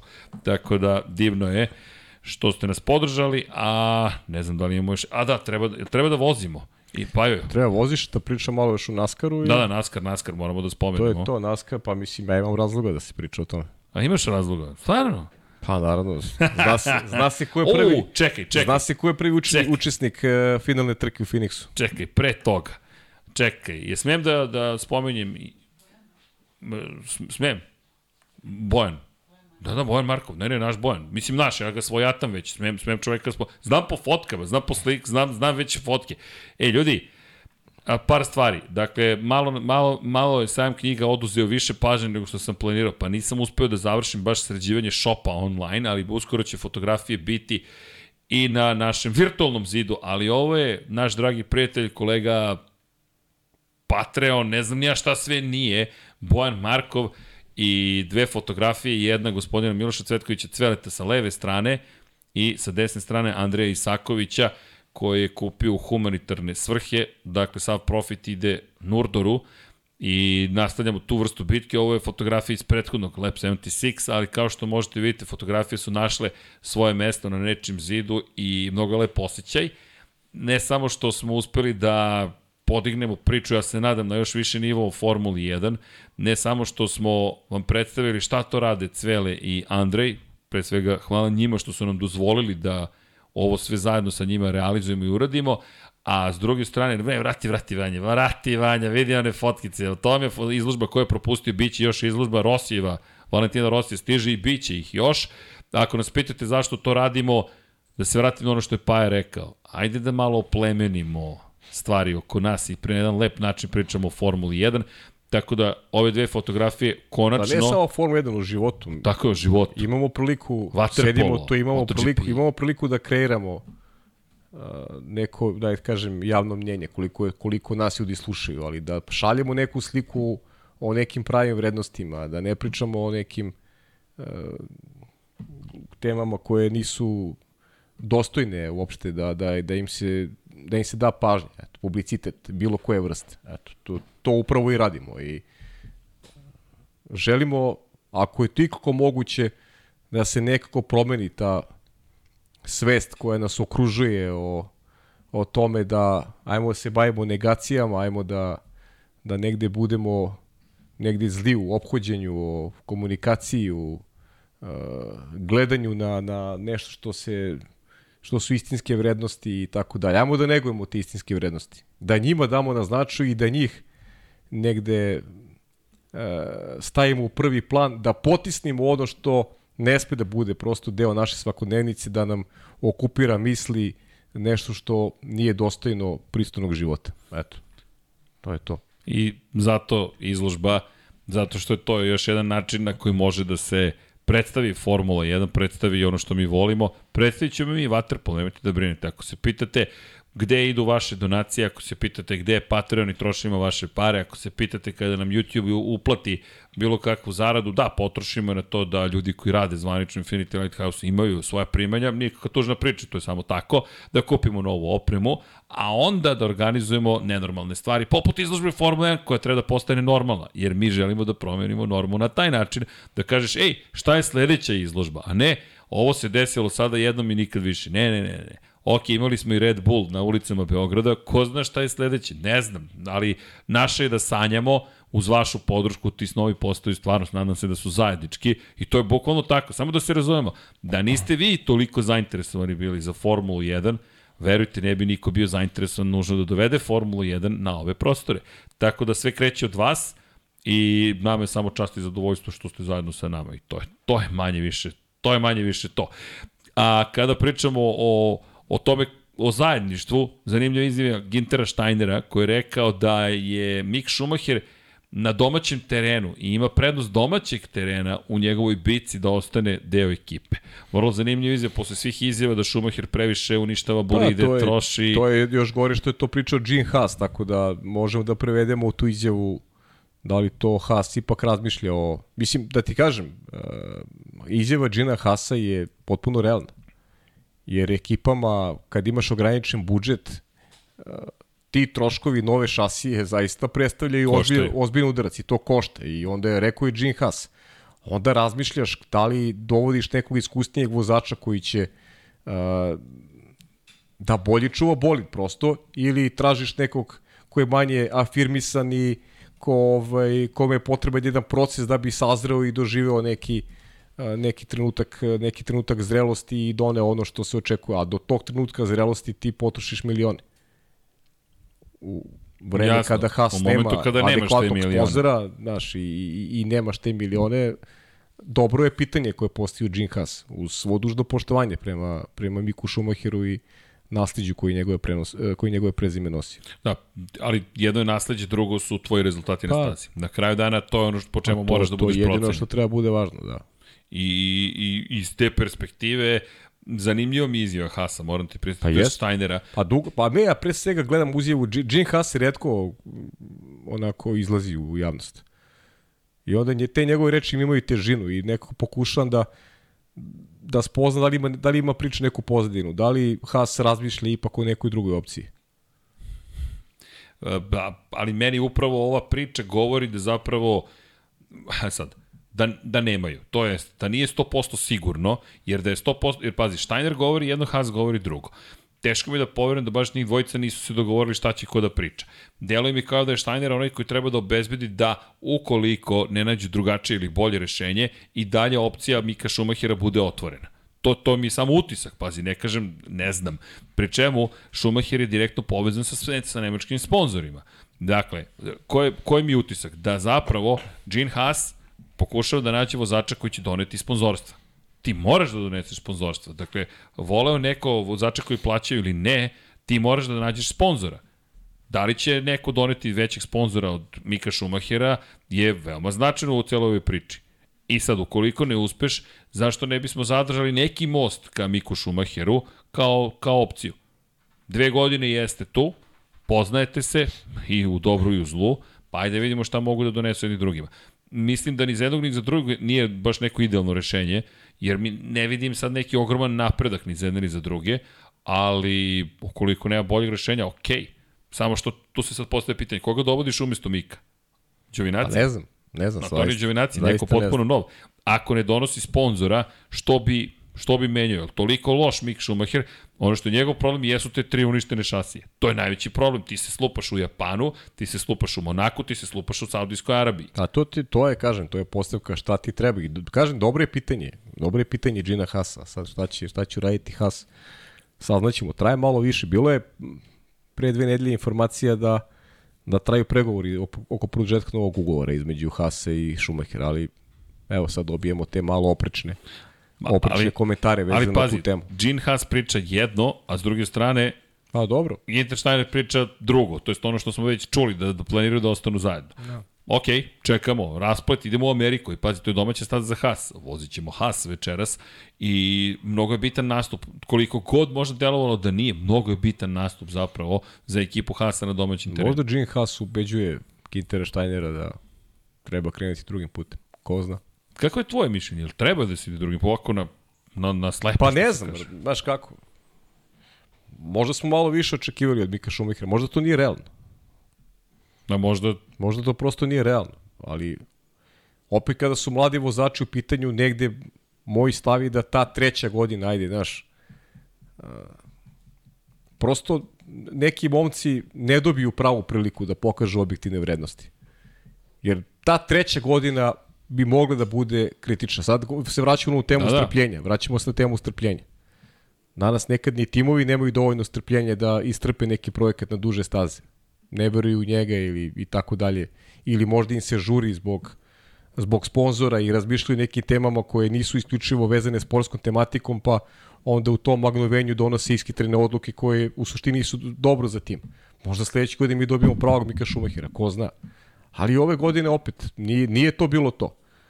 Najavili smo da će biti bolji drugi deo šampionata, za nijansu i to bio slučaj, ali u suštini, u suštini kaži mi neku razliku između onoga što je Cunoda pružao u ekipi Alfa Taurije i Mika Schumachera u Hasu.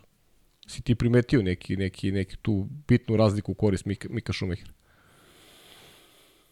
Pa, slično, povremeno pobediš vozača broj 1, U smislu nekog poene. Pa ja bih čak rekao da je, je da je Cunoda više puta pobeđivao Gasli ove godine. Pritom uopšte ne brni Cunodu, znaš da... Znam da nisi baš nisam, njegov tako navijač. je, ali eto, pokušavam da nađem neku eto paralelu. Ne znam s kim bi tražio paralelu kad je Mick Schumacher u pitanju. Jer prosto pričamo o vozačima koji voze za pa slabije pa, pazi, ekipe. Izjednačeni su 12 pojena Schumacher u šampionatu Cunoda 11. Pa eto vidiš, kao, kao da sam, a nisam to znao, veruj mi. Ne, znam, Vidi, znamo da ti, ni, ni ti ni ja, samo da znate ljudi, mi često na, na, na sećanje, kao što možete vidjeti, nije da Pa, sedamo bukvalno. i onda fejkujemo, kao pripremili smo se, ja da se setim šta Ne, nego su negde u isto, bili su u Formuli 2, ne znam, znaš, prati ih neki, neki sličan razvoj, pa eto, zato poredim, zato se seti u Cunode. Ne iz nekog drugog razloga. Nema, 8, Tako 7, da, 10, tri iskreno ti puta kažem, poene, i- i- 8, 6. Zašto sam ti rekao da mi se sviđa razmišljanje Gina Haas? Jer ja ne znam šta je odgovor na pravo pitanje. Pa možda je to najveća kritika Mika, Šumahira. Niti si dovoljno da. loš kao Nikolas Latifi što je bio, pa da kažeš ljudi mnogo je loše, ali ajde je. da mu damo šansu, niti si dovoljno dobar da neko kaže, wow, ovo je neki budući klinac Pa od koga možemo da veze, očekujemo. potrošio si toliko novca, ali ti si taj, ti od tebe Imaš, možemo tako dobijemo. je, da. da, od- A ti, tebe ti ne da znaš da li ti dobijaš, ti možda i dobiješ, ali nemaš, nemaš neke parametre ovaj, sigurne koji, koji tu, mogu da te u tu priču uvere. I ishodno budžetima i ulaganjima, mislim da je dilema Gina Hasa popuno opravdana iz mog ugla. A opet ne znam šta je, šta je pravo rešenje za Hasa. Da li iko zna? Zaista, da li iko zna? Ej, Vanja, moram nešto ti pošaljem. Ovo je, pošto je mnogo zabavno, ako možeš a, drugu fotografiju, šaljem ti nešto sa Instagrama, a, što je malo pre Matija, mislim, to spominjao, pa čisto da iskoristim priliku, jeste da je dečko otišao, ali, evo, za... A šaljem ti, poslam ti u, u, u Slekić. Ali nešto zabavno se dešava. Prosto, eto, kada pričamo o pozitivi nekoj. Inače, kada govorimo o ovom Miku Šumacheru, pazi, pričamo o preostala dva mesta. Williams ima jedno mesto i jedno mesto ima Haas. Još četiri trke do kraja mi nemamo predstavu ko će da vozi. Idemo u Ameriku, pa ajde da vidimo Logan Sargent, da li će se pojaviti u garaži Williamsa. Da. Znaš, to je isto zanimljivo pratiti. Ja zaista ne mogu da se bavim hollywoodskim zvezdama tokom trke Formula 1, osim što je naš posao da naravno budemo dobro, dovoljno široki da ih spomenemo. Tako je. Ali da su sada to najvažnije teme koje imamo, o kojima imamo da pričamo, nisu. No, poštujemo ljude, Pa poštujemo nisu- njihove rezultate i Nisu uspehe. teme uopšte kad ih kamera upeca po znacima navode, mi ćemo da konstatujemo. Da, bukvalno to, a Vanja, to Vanjice. E, samo da spomenemo, posebna dostava, jel te? I Zan- zanimljiv moment, jednostavno koji smo imali s obzirom na činjenicu da je Esteban Ocon dostavio Karimu Benzemi zapravo, jel te, Ballon d'Or, da ne kažem zlatnu loptu, pa, pa jo, evo, iz nekog drugog univerzuma, ali dostavno vozilo postade Alpinin bolid, simpatično u svakom slučaju. lepo, Inače, bila lepa proslava, a Alpina je bila partner u celoj toj ceremoniji. Inače, ovo je stari bolid Alpine, to jest nekadašnji Renaulta i ono što je zanimljivo, Loran Rossi, ajde, izvršni direktor Alpine što je bio prisutan, međutim, Pa dobro, ono što je zanimljivo, opet, sve je francuska priča, lepo Jest. Jest. naš. i Pierre Gasly se pojavio. Da. Što je već građanje nekog odnosa između Pierre Pa Gasly, dobro, Alpine i Esteban treba da radi na tome, da. Da, i zanimljivo, rekli su da očekuju prosto od obojice vozača, uprkos nesuglasicama iz prošlosti, da budu dovoljno zreli za ono što ih čeka u budućnosti. I Okon je rekao da je duševljen što će se zapravo k- kako bi naći ti rekao, sa, sa Gaslyem u ekipi. Ovo je njihova velika šansa. Jeste, Gde je posle, ako, ako uprskaš ovu priliku? Šta posle u karijeri? ne znam. Dolazi Teo Puršer, dolazi Koji će to voziti sad u dolazi, Americi da, već. dolazi tu još momaka koji su vrlo interesantni, Isa Hadjar, ima tu Francuza koji prete, zaista klinaca koji prete Victor ozbiljno. Martins. Tako da ovi momci, dobro, Viktor Martins je već malo stariji, on je Artur Leclerc. Ipak bih ja pre apostrofirao ovu dvojicu. Ne, ne, meni, vedi, meni se Hadjar dopada kako vozi.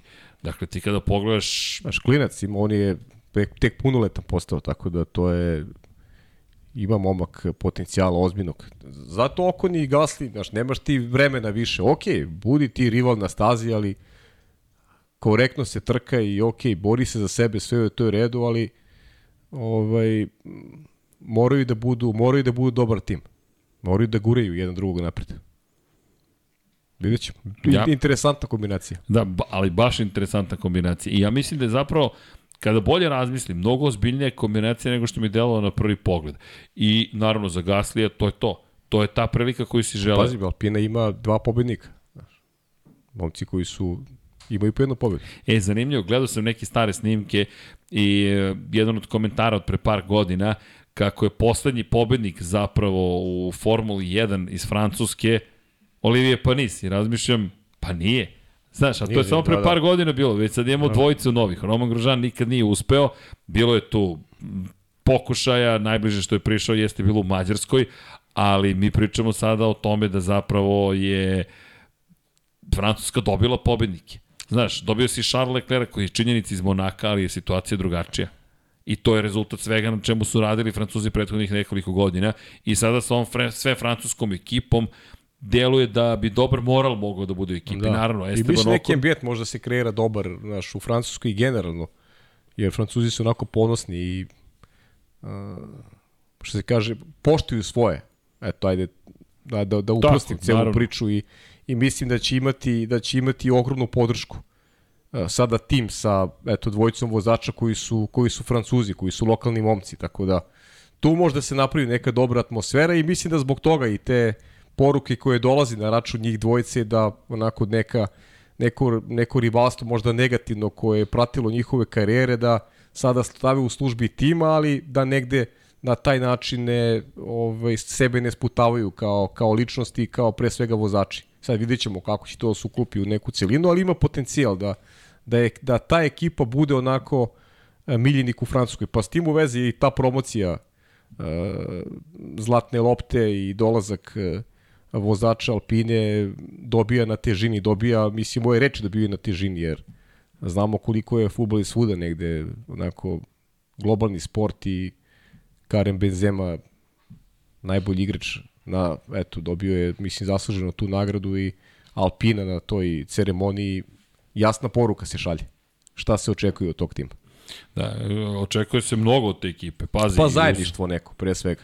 Pa pali, pazi, uz razvoj bolida, ukoliko je zaista taj razvoj onako kakav, kakav se najavljuje, ako ti sada već se hvališ time, ukoliko mi pričamo o, o, i o, ajde kažeš, rezultatima ove godine, zaista ima mnogo smisla. Vanja, poslati još jednu fotku, idemo da vozimo i da se lagano razilazimo. Zašto? Pa, dug je bio dan. Nismo naskr, naskrsi. Ne, ne, ne, ne, ne, ne bre brineš, ne bre brineš. Ne, ne, ne, ubijaš Joe Logana, nema. Ne, ne, ne, ima, a, evo, ćete kolega Živkoviću, uh, da se pohvalite. Joy, Joy Logano. Šta je radio taj Joy Logano? Šta je pobedio? Pa naravno je pobedio. Pobedio, pa, pobedio i ušao u finale. Pa da. Prvi vozač koji je finalu. 30. pobjeda u karijeri. Da, vi znate ko je ovo ponos. Dakle, nasmen mi je pa prvi put večeras, kolega ne, Živković. Pa nemoj da preteruješ sad prvi put večeras. Naspeni smo cijelo večer. Jesmo nasmeni. Nego pobedio sam te ove godine sam... O, demolirao si me. Demolirao sam ovo je, Ne samo što si pobedio, ti si sad prvi u šampionatu. Pa dobro, ali... Dobro. Znaš kako, čekamo tri rivala u velikom finalu. I onda ko bude najbolji, taj će pobediti. Čekaj, čekaj, šta koleginica dobacu iz prodaje? Ko? Joey Logano? Kaže, nema šanse da pobedi. A, a ko će pobedi? A ne, ne, ne, ovo je samo neće Joey Logano, polako. Inače, baš me čudi da je Joey Logano pobedio na ovoj trci, pošto generalno, jel ti Las Vegas mu uopšte ne odgovara u celoj priči, pa... Pa ne, ali taktika. Ne, ne, ta... Paul Wolf.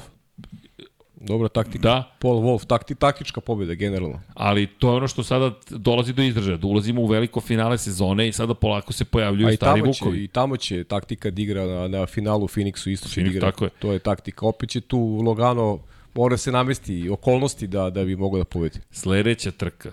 Homestead. Da, da. To je meni zanimljivo. I pa ne, znaš šta je zanimljivo, ko će da prođe dalje, to je zanimljivo. Pa da, da, ali, ali, ali pazi, kako će to biti trka, to je ono što mene zanima. I naravno Martinsville, čuveri koji je predposlednja. Ljudi, mi idemo, kada pričamo o Homesteadu, mi pričamo o, o, o, o vrlo zanimljivoj stazi.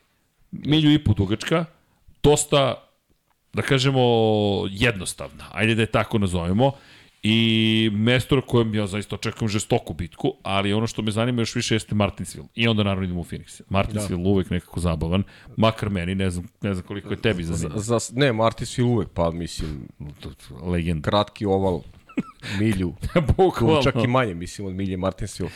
I, ali zanimljivo će biti zato što trenutno Christopher Bell ima najslabije pozicije, ima veliki bodovni zaostatak, ali... Bell je pobedio pre ove trke. Ne, ali, ali ovo je sad je počela ova poslednja da, runda. Da, sad je poslednja runda, ali je pobedio pre da, ove i tako je ušao zapravo tako je, da, ali sada mu, ja mislim da ako ne pobedi neće moći u finale.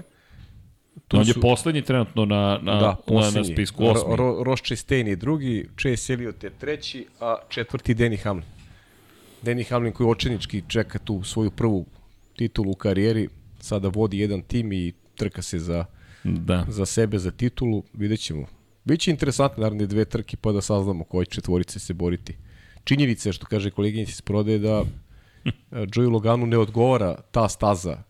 To je onaj klasičan oval od milju i po, to, to uh, ne odgovara generalno Penske ovim vozačima, ali uz taktiku U ostalom, to smo bili svedoci 2018. godine kada je Logano upravo zahvaljujući taktici došao do titule. Tako da biće interesantno. Biće Da, inače, za oni koji ne znaju, tim 2311, to je 23XE, je tim Michaela Jordana Jordan, i Danny da. Hamlina. Tako je. A Danny Hamlin vozi za Joe Gibbs Racing. Jest. Tako da vozi za drugu ekipu, vodi drugu ekipu. To je, mislim, da je prvi slučaj u istoriji da si vozač Joe Gibbs Racinga, a imaš svoj tim. I super napreduje. Ta Tako je. njegova i Jordanova ekipa. Ove godine su imali dve pobede. I Baba Vales je pobedio i pobedio je i Kurt Busch koji nažalost je odustao od ove sezone. A ono što smo rekli u nekim ranijim i, i Bowman je takođe odustao zbog povrede i on je morao da se povuče. Dakle, imali smo dva povlačenja Spomenuli ove smo godine. Kurta Da. Buša, koji je, nažalost, posledice potresa mozga, Jeste. Vrlo je ozbiljno. To, dakle, često se pocenjuje potres mozga. Kao, "A, potres mozga, idemo dalje. Ne, ne, ne, ne, ne, polako, polako. To su stvari koje mogu ozbiljno da utiču na kvalitet života, na, da budu opasne za vozače.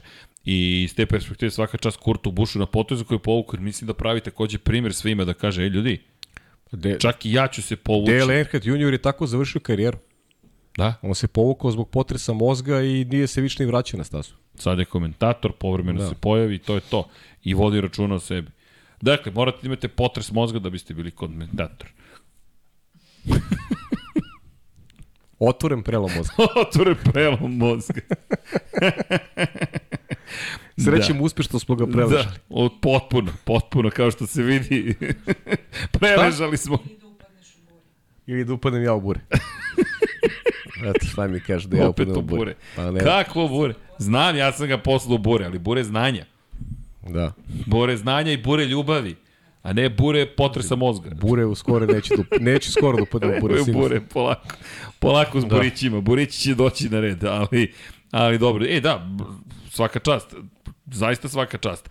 Ali pre nego što nastavimo, Vanja, možemo jednu fotku da bacimo pogled na fotku. Meni je ovo super zanimljiva priča i svašta pričamo večeras, ali volan. Priča o volanu. Meni je fascinantno zapravo Lewis Hamilton je dao izjavu koja je meni krajnje zanimljiva i u kojoj je rekao zapravo da ovo je fotografija koja nije fotografija volana Luisa Hamiltona, moram priznati da proći kroz cijelu, cijelu zapravo arhivu Hasana Bratića je nemoguće. Vjerojatno će Hasan sada mi pošalje neki volan Luisa Hamiltona, ali Hasan može i ovaj volan. Šta je, čemu je stvar? Rekao je da je zapravo on redizajnirao volan kada je vozio za McLaren. Ne znam da li ste čuli za to i rekao da mu je žao zapravo što nije patentirao oblik volana.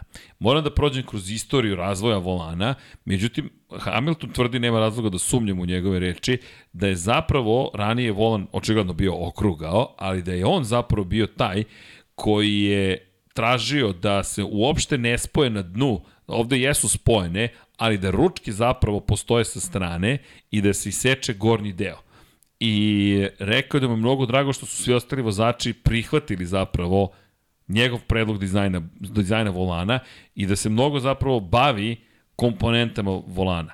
Istovremeno je rekao da je sam dizajnirao zapravo sedište u svojoj kabini i da ga je sveo da, na, da na nešto što je prilično malo sedište i da je takvo već 10 godina. Istovremeno je sa inženjerima radio na ergonomiji pedale. Rekao da mnogo voli da radi na ergonomiji, ergonomiji vozila. Deluje možda kao detalj, ali ljudi, detalji, detalji pobeđuju. Detalji da donose tu desetinku, delić sekunde koju im je potreban i rekao je da obožava time da se bavi, da mu dozvoljava i da bude kreativniji. I ono što je bilo zanimljivo i zapravo za Hamiltona jeste da je uneo neke promene koje ni mi ne znamo, pa evo malo moment koji on iskoristio da u krajnjem slučaju sebe istakne na neki način pohvali, zaslužuje da se samo pohvali ako već niko od nas nije to primetio. I ono što mi je bilo zanimljivo, dao je izjavu da je zapravo u razgovoru za F1, F, zapravo f1i.com sa Filipom Van Ostenom da je razgovarao i razgovara sa velikim brojem vozača koji su otišli u penziju. To je ne samo vozača, vrhunskih, vrhunskih sportista, kako bi sam znao kako su se oni osjećali i kako će izgledati stvari u nastavku, da kažemo, života. I, i postavi mi pitanje kada kada da se penzioniše, to je kada će biti trenutak da se penzioniše i mnogi su mu rekli prema njegovim rečima, znaćeš kada dođe taj trenutak.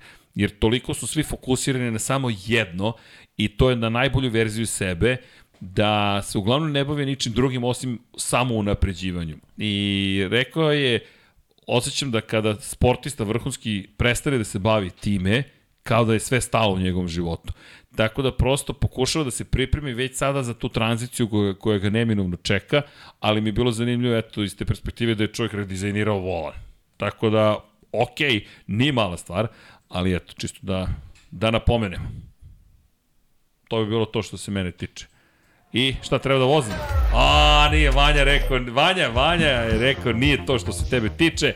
Kota, dakle, Vreme je da se pozabavimo stazom koja ima 20 krivina, 12 tačaka kočenja, 18 sekundi provodite na kočnicama, srednje opterećenje kočenog sistema kada posmatrate ceo krug, 843 metra ukupna, ukupna zastavna dužina, to je zastavni put, 15 od samoga kruga, ali je vrlo snažno opterećenje kočenog sistema na usponu u krivinu broj 1, čuvena uzbrdica, 313 km na čas, inicijalna brzina, 141 kPa pritisak na pedali kočnice, 2456 kW je energija koja se generiše, zaostavni put 114 metara, 2,3 sekunde traje period kočenja, a maksimalno negativno ubrzanje je 4,7 sila zemljine teže spektakularna krivina broj 1, a onda krenete nizbrdo kao što ćete uskoro vidjeti u simulaciji koju vam pripremam. Pajo, ajde da vidimo da li je ono bila samo anomalija zvana Suzuka ili sam po nešto ajde, naučio. Ajde vidim. Priznajem da ovu stazu ne poznajem tako dobro. Tako si rekao i za Suzuka da nisi dugo vozio, pa... Dobro, ali, ali pa nisam rekao da ne znam. Da.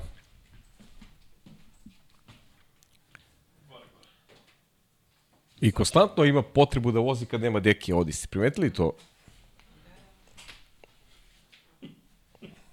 Jer trka si sam sa sobom. Vidi. Kao da vozi safety car. Čekaj. Evo ga. Nemo, ovo ide na sajam, pa ti vidi.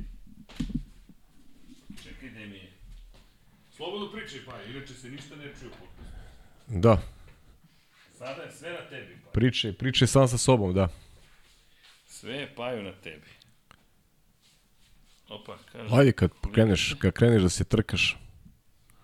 Ne znam, da ima još nešto nismo obradili. Pričali smo o ovom udesu Davida Šumekera, jesmo, je tako? Nismo. Nismo. Nismo, a? Nismo. Uopšte nismo pričali. Nismo, nismo.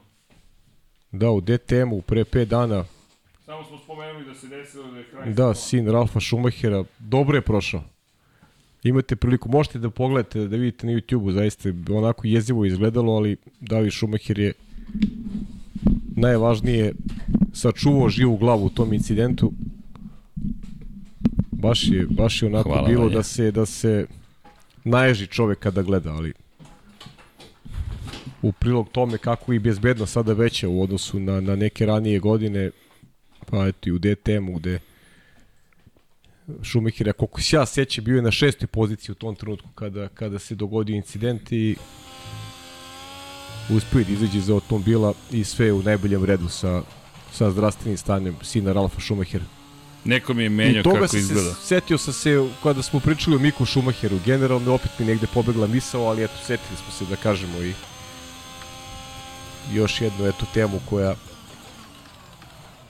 je interesantna za priču s obzirom da da je David dobro, to je najvažnije u celoj priči, pa Dobro.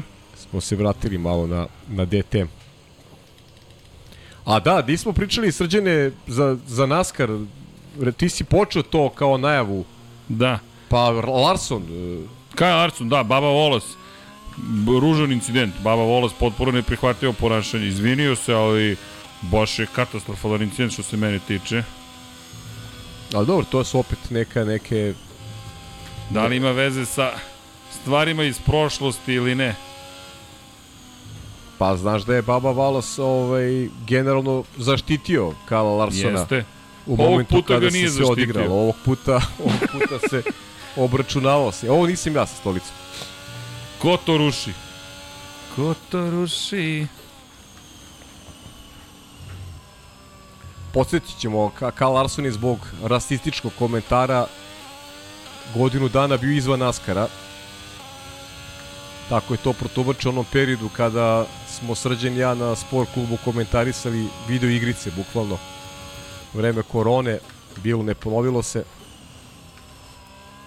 I tada je Karl Larson imao jedan komentar koji je shvaćen kao rasistička poruka i bukvalno se nije trkao godinu dana. Vratio se u šampionat, vratio se maestralno, osvojio šampionsku titulu. Prošle godine, ove godine ga neće biti u bici za playoff, pošto je već eliminisan Kyle Larson. A eto, interesantno, duo dvojice vozača koji generalno nisu u play-offu, a dogodio se taj eto ružan incident. Još jedan u moru koji prati generalno kup seriju NASCAR. Nije tu uopšte neobično da se vozači ovaj, obračunaju i pesticama. Bilo je primjera. Svetimo samo Logana i Kajla Buša pre par godina. A, dobro. Ideš malo u krug, a? Mm.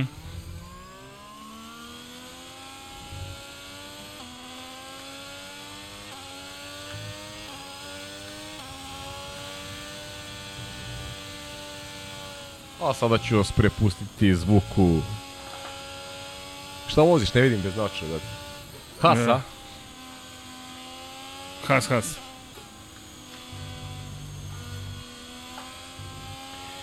Pita Slavljenik, da li ćeš da napraviš veću štetu od Mika sad? Ma kakav, ljudi, niste svesni.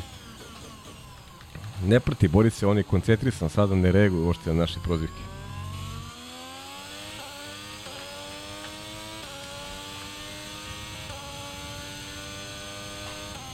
Kakav pa, sad ćemo da obaramo rekorde. Obaraju se rekordi, a? Tako je. Malo ovde lomim pedale, ali nema veze. Pa dobro, to je u redu. I ja se bavim ergonomijom, ko Hamilton.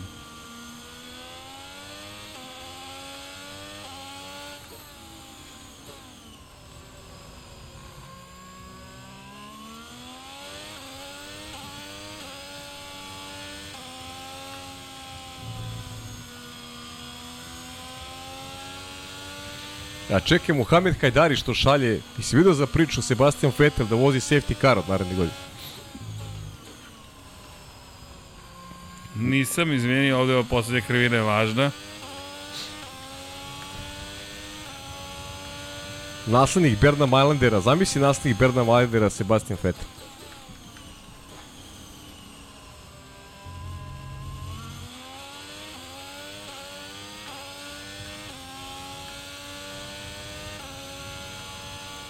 Kakav fokus mlađana Gerciga.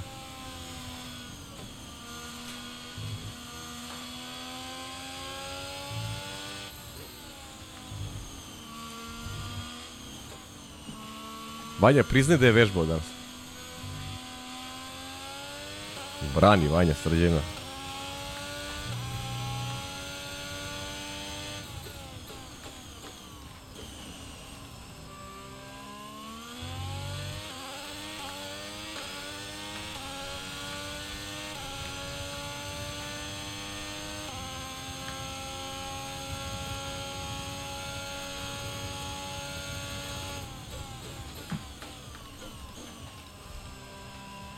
Ovde je malo greška, ali dobro.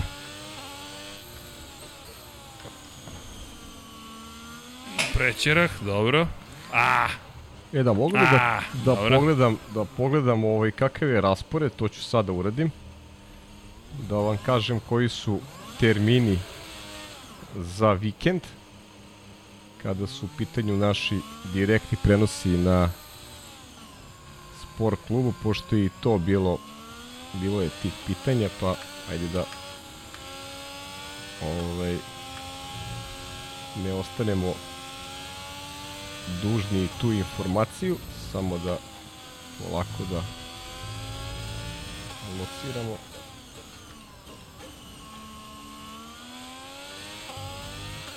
Da, morat će malo drugačijim putem da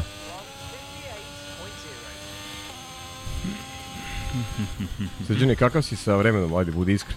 Si oborio neki rekord? nisam, malo grešim ovde, ali dobro, nije loše.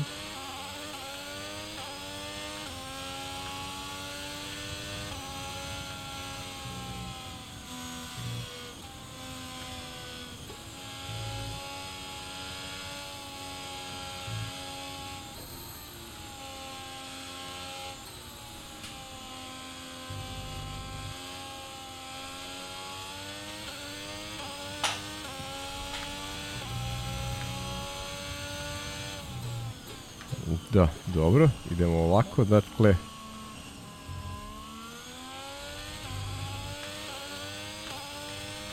U petak od 21 sat na sport klubu 3 je trening broj 1, a u ponoć počinje trening broj 2 i traje sat i po, dakle imat ćemo test novih Pirelli pneumatika na tom uh, drugom treningu, dakle negde oko pola dva ujutru završavamo a taj program u petak u subotu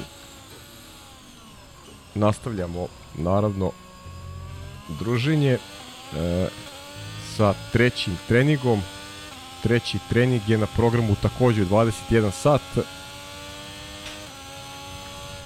a kvalifikacije počinju treći trening je na sport klubu 1 da znate i kvalifikacije će takođe biti na sport klubu 1 kreću u ponoć pa tamo negde do opet pola dva Dobro. završavamo program i u nedelju trka je na rasporedu od 21 sat takođe će biti na sport klubu 1 a naravno od 20.30 je na rasporedu a, na, NASCAR playoff trka u Majamiju eto počinje u 20 sati 30 minuta dakle trajaće još, eto koliko ta trka je negde 3, 3 po sata sigurno. Evo, pa je da ne bih ljudi završao, restart lap. Malo pre sam bio dobar napravi grešku u poslednjoj krivini. Još jedan krug voziš.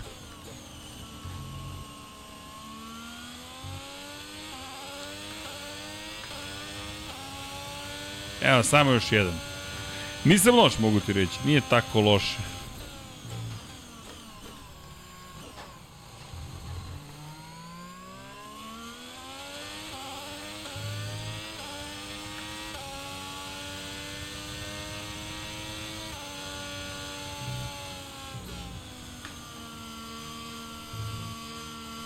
Da, malo pored staze, malo. Malkice, nije strašno. Misli da će sudija ti oprosti ovo? Verujem i hoće. Ovde neće. Ovde ne sam da siđem sa staze.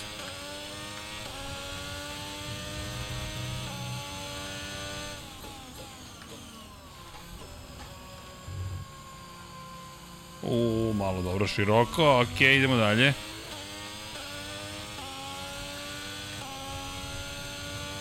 Ništa moram da nadoknadim 7 desetinki ovde. 7, a? A, sad ću da se pobedim, ništa ne brini. Ajde, ajde.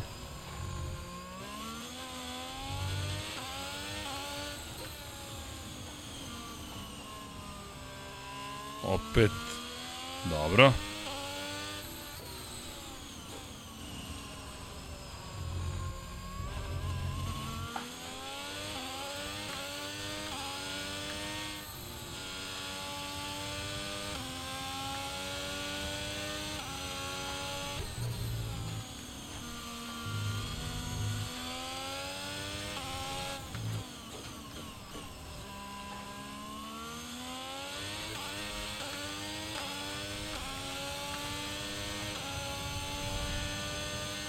Pa nije toliko grdno. O, ovde prejako, koči mi prerano. E, zabavna je staza. Nema preticanja, je zabavna.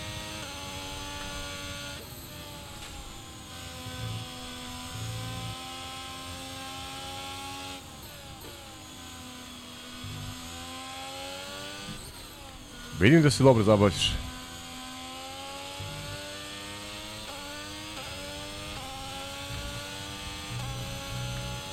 A reci.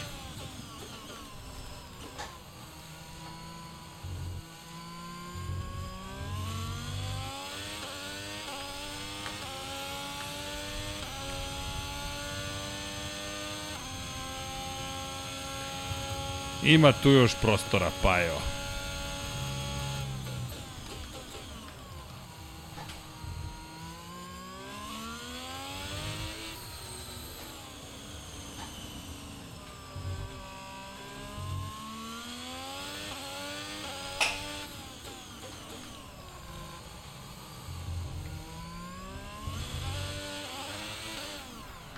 Ah! dobro.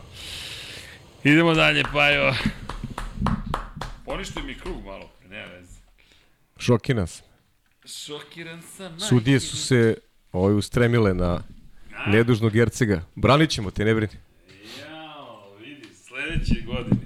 U, u ovo vreme, Dominacija, bit ćemo milioneri. to ti kažem. Bićemo milioneri. Vanja se ovde trudi oko mene. Namešta mikrofon. Pa da, brani ti kad ne treba i svašta nešto pa radi. evo, ej, danas dupla doza. Znači, dupli podcasti. Da, da. Ja se izvinjam, nadam se da nikog nisam zbunio o duplim podcastima. Ako jesam, šta ćete? Dešava se. Za sve kriv Dejan Potkonjak. Tako je. Krivit ćemo Su, su onoga ko... svode tako da onoga, Onoga koga ko nema. tu, Pa, tako to, je, to je standardna praksa. Klasika. da ti ja kažem. A što je pričao o tebi tek? Pa znam, pusti. Kako ti stoji majica i to? Užas. Sranga bilo. Ali da, dobro, drugari, hoćemo polako ali sigurno da se pozdravljamo. Pa da. Mislim da Mislim smo rekli da smo, sve. Da, rekli dosta toga. Čudni su Nije bilo najave. trka, lepo smo se ispričali, Tako, malo vesti, malo posvetili informacije. pažnju onom ko zaslužuje. Pa da, čekam je, kažem ti njegove... Evo da, da ne zaboravim, bitna stvar. Dakle, ko je, šta smo rekli, šta sam ono Vanja bupnuo, ko je najmlađi dvostruki šampion? Nije, najmlađi dvostruki šampion je gospodin Da, Sebastian Sebastian Vettel. Vettel. Pa pogledaj Alonso gde je Ja mislim da je on drugi... treći možda, ili drugi ili treći čak. Drugi ili treći sigurno, sad nisam siguran, pošto je, ono što pričamo malo pre. Iz glave ide, Na, ide na, mnogo toga. Ali tu su, Ja Alonso sad i Verstappen su tu. Najmlađi šampioni... Mm. A gde su mi sad? Aha, evo ga, Sebastian Vettel, 23 godine, 134 da. dana. 23 godine, 300 dana, Lewis Hamilton. Fernando Alonso, 24 godine, 59 dana. Max Verstappen, 20... Ne, nije, Pa. ovo su pobednici, šta ja pričam? Pobedni, Nije, ne, ne, ovo ne. su pogre greške. A, Ne, ne, Alonso je tu, nije, Ne, nije ne. Hamilton u Nije, toj nije, grupi, nije. najmlađih. Nije, nije, nije. nije. Tu je Ja Alonso, sam Alonso je u toj grupi sigurno. Čekajte.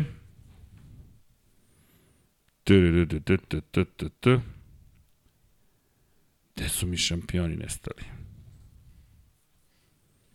Ajmo. Ovo je možda radio u MotoGP podcastu, čito je. Ne. Sad ću ti reći.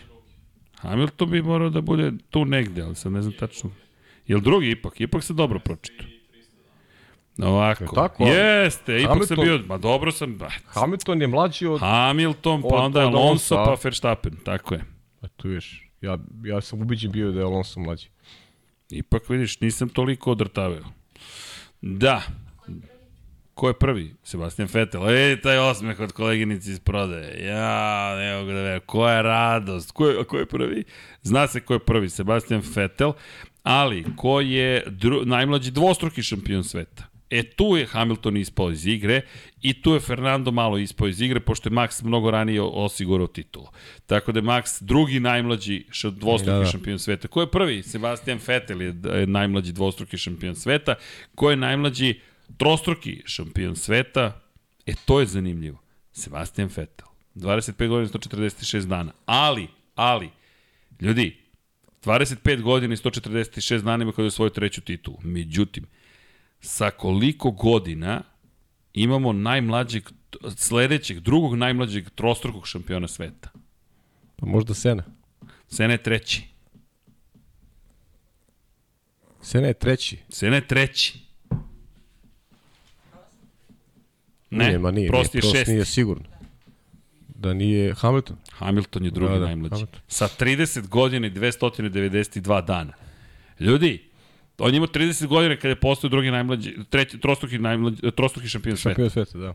Sena je imao 31 godinu i 214 dana. Da, Senu zna sigurno da ima 31, to, to nije, nije sporno. Da, Schumacher je zaostao sa trećom titulom 66 dana za Senom. Jackie Stewart je peti, pa Alan Prost, pa Nelson Piquet, Niki Lauda, Jack Brabham i Juan Manuel Fangio. Nije baš bilo mnogo trostrukih šampiona sveta, Nije. ali da, Hamilton je drugi najmlađi, pa Ayrton Senna. I eto, Max sa sledeće godine bi mogao da bude odmah tu iza Sebastijana Fetela, pošto presrećna koleginica iz prodaje je zadovoljna što je, da vidimo, pa... Što je Vettel ostao mlad dečko. Kako? Ne može, ne, ne, ne može ispod trostruki šamp, ne. Tako je, da. Samo pet za red. Da ne može ni čet, pa mislim, vidi, da, gotovo ne Fetel i četiri zredom osvajaju tako. Ne, da. ne može, ne može. Max ne može nikako da osvoji, da bude najmlađi trostruki, četvorostruki, može najmlađi petostruki, da. Tako je, tako je. Oh, ok, postaneš petostruki šampion, samo tvojica su bila u istoriji. Znaš, gde je to? O, ček da, da, da zabeleži čovjek pobedu. Ne, ne, ali zadovoljstvo, pogledaj zadovoljstvo. E, čekaj, kad je, a, gde je kao petostruki šampion sveta? Koji je na spisku? Burn.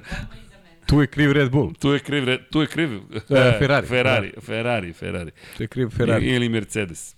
Da. Zavisi kako posmatraš stvari, ali dobro. Da, neverovatni Sebastian Vettel. Gde, gde se nalazi u 2013. godine? Jest. Na krovu sveta. Pa ne, zato kaže, sve ovo što pričamo i o Maxu Verstappenu, to je, znaš, ima realnu podlogu. Da li će se dogoditi? Veliko je pitanje. Nemamo Čudni pojma. su životni ovaj put. Pa evo ti Alonso. Pa Alonso Kada je osvojio treću titulu? Nikada. Pa da. Kada je osvojio petu titulu Sebastian Vettel? A gledaj gde je sve bio i posle toga. I on imao Tako Ferrari, je. imao je i... Mada Dobro, lepo si rekao, Red Bull je kriv. Red Bull nije u hibridnu eru ušao dovoljno ozbiljno s Renaultom, to jest Renault pre svega, ali ni Red Bull, zatim Ferrari i to ti je bilo to. A Mercedes je uradio Jeste. Svoj deo posla. I Lewis Hamilton otišao na rizik u Mercedes. A Lewis Hamilton pogodio. Tako je, zvuči bizarno, ali nije. Te godine jedini čovjek, ponovit ću sa moje desne strane, koji je rekao pravi potes. Bukvalno. Mislim, tako je bilo zaista. Ajde da se, da budem lažno skroman. I, i jeste, šta da budeš lažno skroman, bukvalno je ta, tako bilo. E, inače, pitanje e, ko je gledao Mari Andretija u, na Laguna Seki u McLarenu. da, to je, to je, to je zanimljivo. To je jedan potkonjak, možda i uživo. ne, ne, da mu vrati za, za majicu, znaš.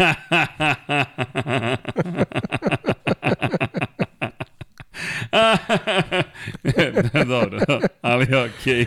Okay. Da, ko je gledao, to, pa nažalost mogli smo samo da gledamo, ne da prenesemo, ali ono što je bilo predivno jeste zapravo što smo videli bolid Formula 1, zapravo na Laguna Seki, zahvaljujući, hvala Mariju Andretiju, koji je imao divnu, divnu zaista ponudu i koji prihvatio McLarena da vozi po Laguna Seki i nevjerojatno je bilo gledati čoveka koji je u 82. godini života kako seda u bolid Formula 1 i vozi ga i to smo zaboravili ako pričamo o tim lepim stvarima. Ne smo da zaboravimo. A to ne smemo da zaboravimo jer to se ne radi.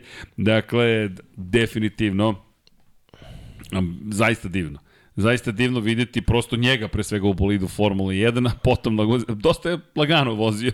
U jednom momentu su se malo stvari ubrzale, ali budimo realni, Mario je legenda i vrlo pažljiv i oprezan i zna šta radi, ali čovjek koji je svoju titulu šampiona sveta i Mario Andretti, ne samo što je svoju titulu šampiona sveta, već je čovjek koji je obeležio, bukvalno obeležio jednu eru, neko koji je pobeđivao gde god je seo praktično. Vi kada pogledate njegovi, njegovi istorijet, to je ljudi nestvarno. Jednostavno čovjek, čovjek je legenda u svakom smislu te reči. Inače, IndyCar svet pokorio 1984. godine, tako da je u IndyCaru bio šampion. Kada je reč o 500 milija Indianapolisa, pobeđivao je i tamo ne zaboravite 1960, zaboravite. U Hawk 69. godine je pobedio, inače čovjek koji je pobedio na 500 milija Daytone, u Fordu, dakle, mi govorimo o čovjeku koji nema gde nije pobedio. Na 24 časa Limana nije pobedio u, u generalnom plasmanu, ali u kategoriji bio sa Porscheom zapravo na prvoj poziciji 95. godine, tako da mnogo toga je postigao Mario Andretti i blago, blago rečeno legenda, za Lotus ekipu bio šampion sveta 1978. godine i inače čovek koji je i formirao tu sada dinastiju Andretijevih i neko koga ne možete da ne obožavate uz Dena Grnija, jedan od, jedan od dvojice vozača koji je pobeđivao u trkama Formula 1, Indikara, svetskog šampionata sportskih automobila i NASCAR-a. Dan Gurney, koji je osmislio Gurney Flap ili ti Gurney zakrilce, je takođe čovek koji je legendarni, ali eto, pričat ćemo posebne priče o njima, ali eto, sa 82 godine je zapravo, hajde da kažemo, uradio nešto što malo ko ikada ima priliku da učini kamoli u devetoj deceniji života. Inače čovek koji je rođen u Motovunu u Hrvatskoj, tada je to bila kraljevina Italija i mesto se zvalo Montona, ali to je već priča o nekom drugom vremenu, drugi svetski rat je bio u toku, tako da je to Motovun, Hrvatska i imate i tablu da piše, gde piše ukoliko se dobro sećamo ovde je rođen Mario Andretti. Tako da eto, pozdrav za Marija Andretija i sve koji ga vole. McLaren mu je dao priliku MP4 kroz 28 da se pojavi na stazi. Inače, pozdrav za Regija, ponovo je čovek donirao 100 dinara. Hvala. Alen Jesenović donirao 2 evra i pitao je upravo tko, tko je gledao Andretija u MCL na Laguna Seki. Deki potkonjak uživo. Ali tamo nekad pre 40 godina. Šalu na stranu, Deki nam je otišao za Istanbul, to je sve se uveliko sprema, a mi ćemo se polako ali sigurno pozdraviti sa svima, ne zamerite što je malo drugačije danas, ali činjenice da je ekipa zvana Vanja, koleginica iz prodaje i moja malenkost ode već koliko sati je ovo Vanja? 6 sati i Vanja išao u teretanu pre ovoga da bi izdržao, sutra nemamo podcaste, tako da eto, koleginica je išla kod Zubara da bi izdržala sve ovo, jer manje boli kod Zubara nego kada ste Šalim se, naravno. Kada ste ovde, šalim se. Ali dobro, osmeh na licu otkriva da mi volimo da budemo ovde. I ova silna publika, hvala publici, ne morate sada da aplaudirate, koja nije omogućila da Boris Trutin dođe za njegov rođendan, ali do, ni da vam prebacujemo, ali eto, Borise, očekujemo te. A kada govorimo o gospodinu Pavlu Živkoviću, gospodin Živković, mi se vidimo već u petak. Petak, da. Petak, petak se družimo. Ja živim da, na sport klubu sat. ovoga vikenda. Da, znam, znam, malo program. Malezije, malo Amerika, Ali vreća za spavanje nikad ne izgledala romantičnije, moram da ti priznam. Što zajedno ste, Džanki, ti vreći?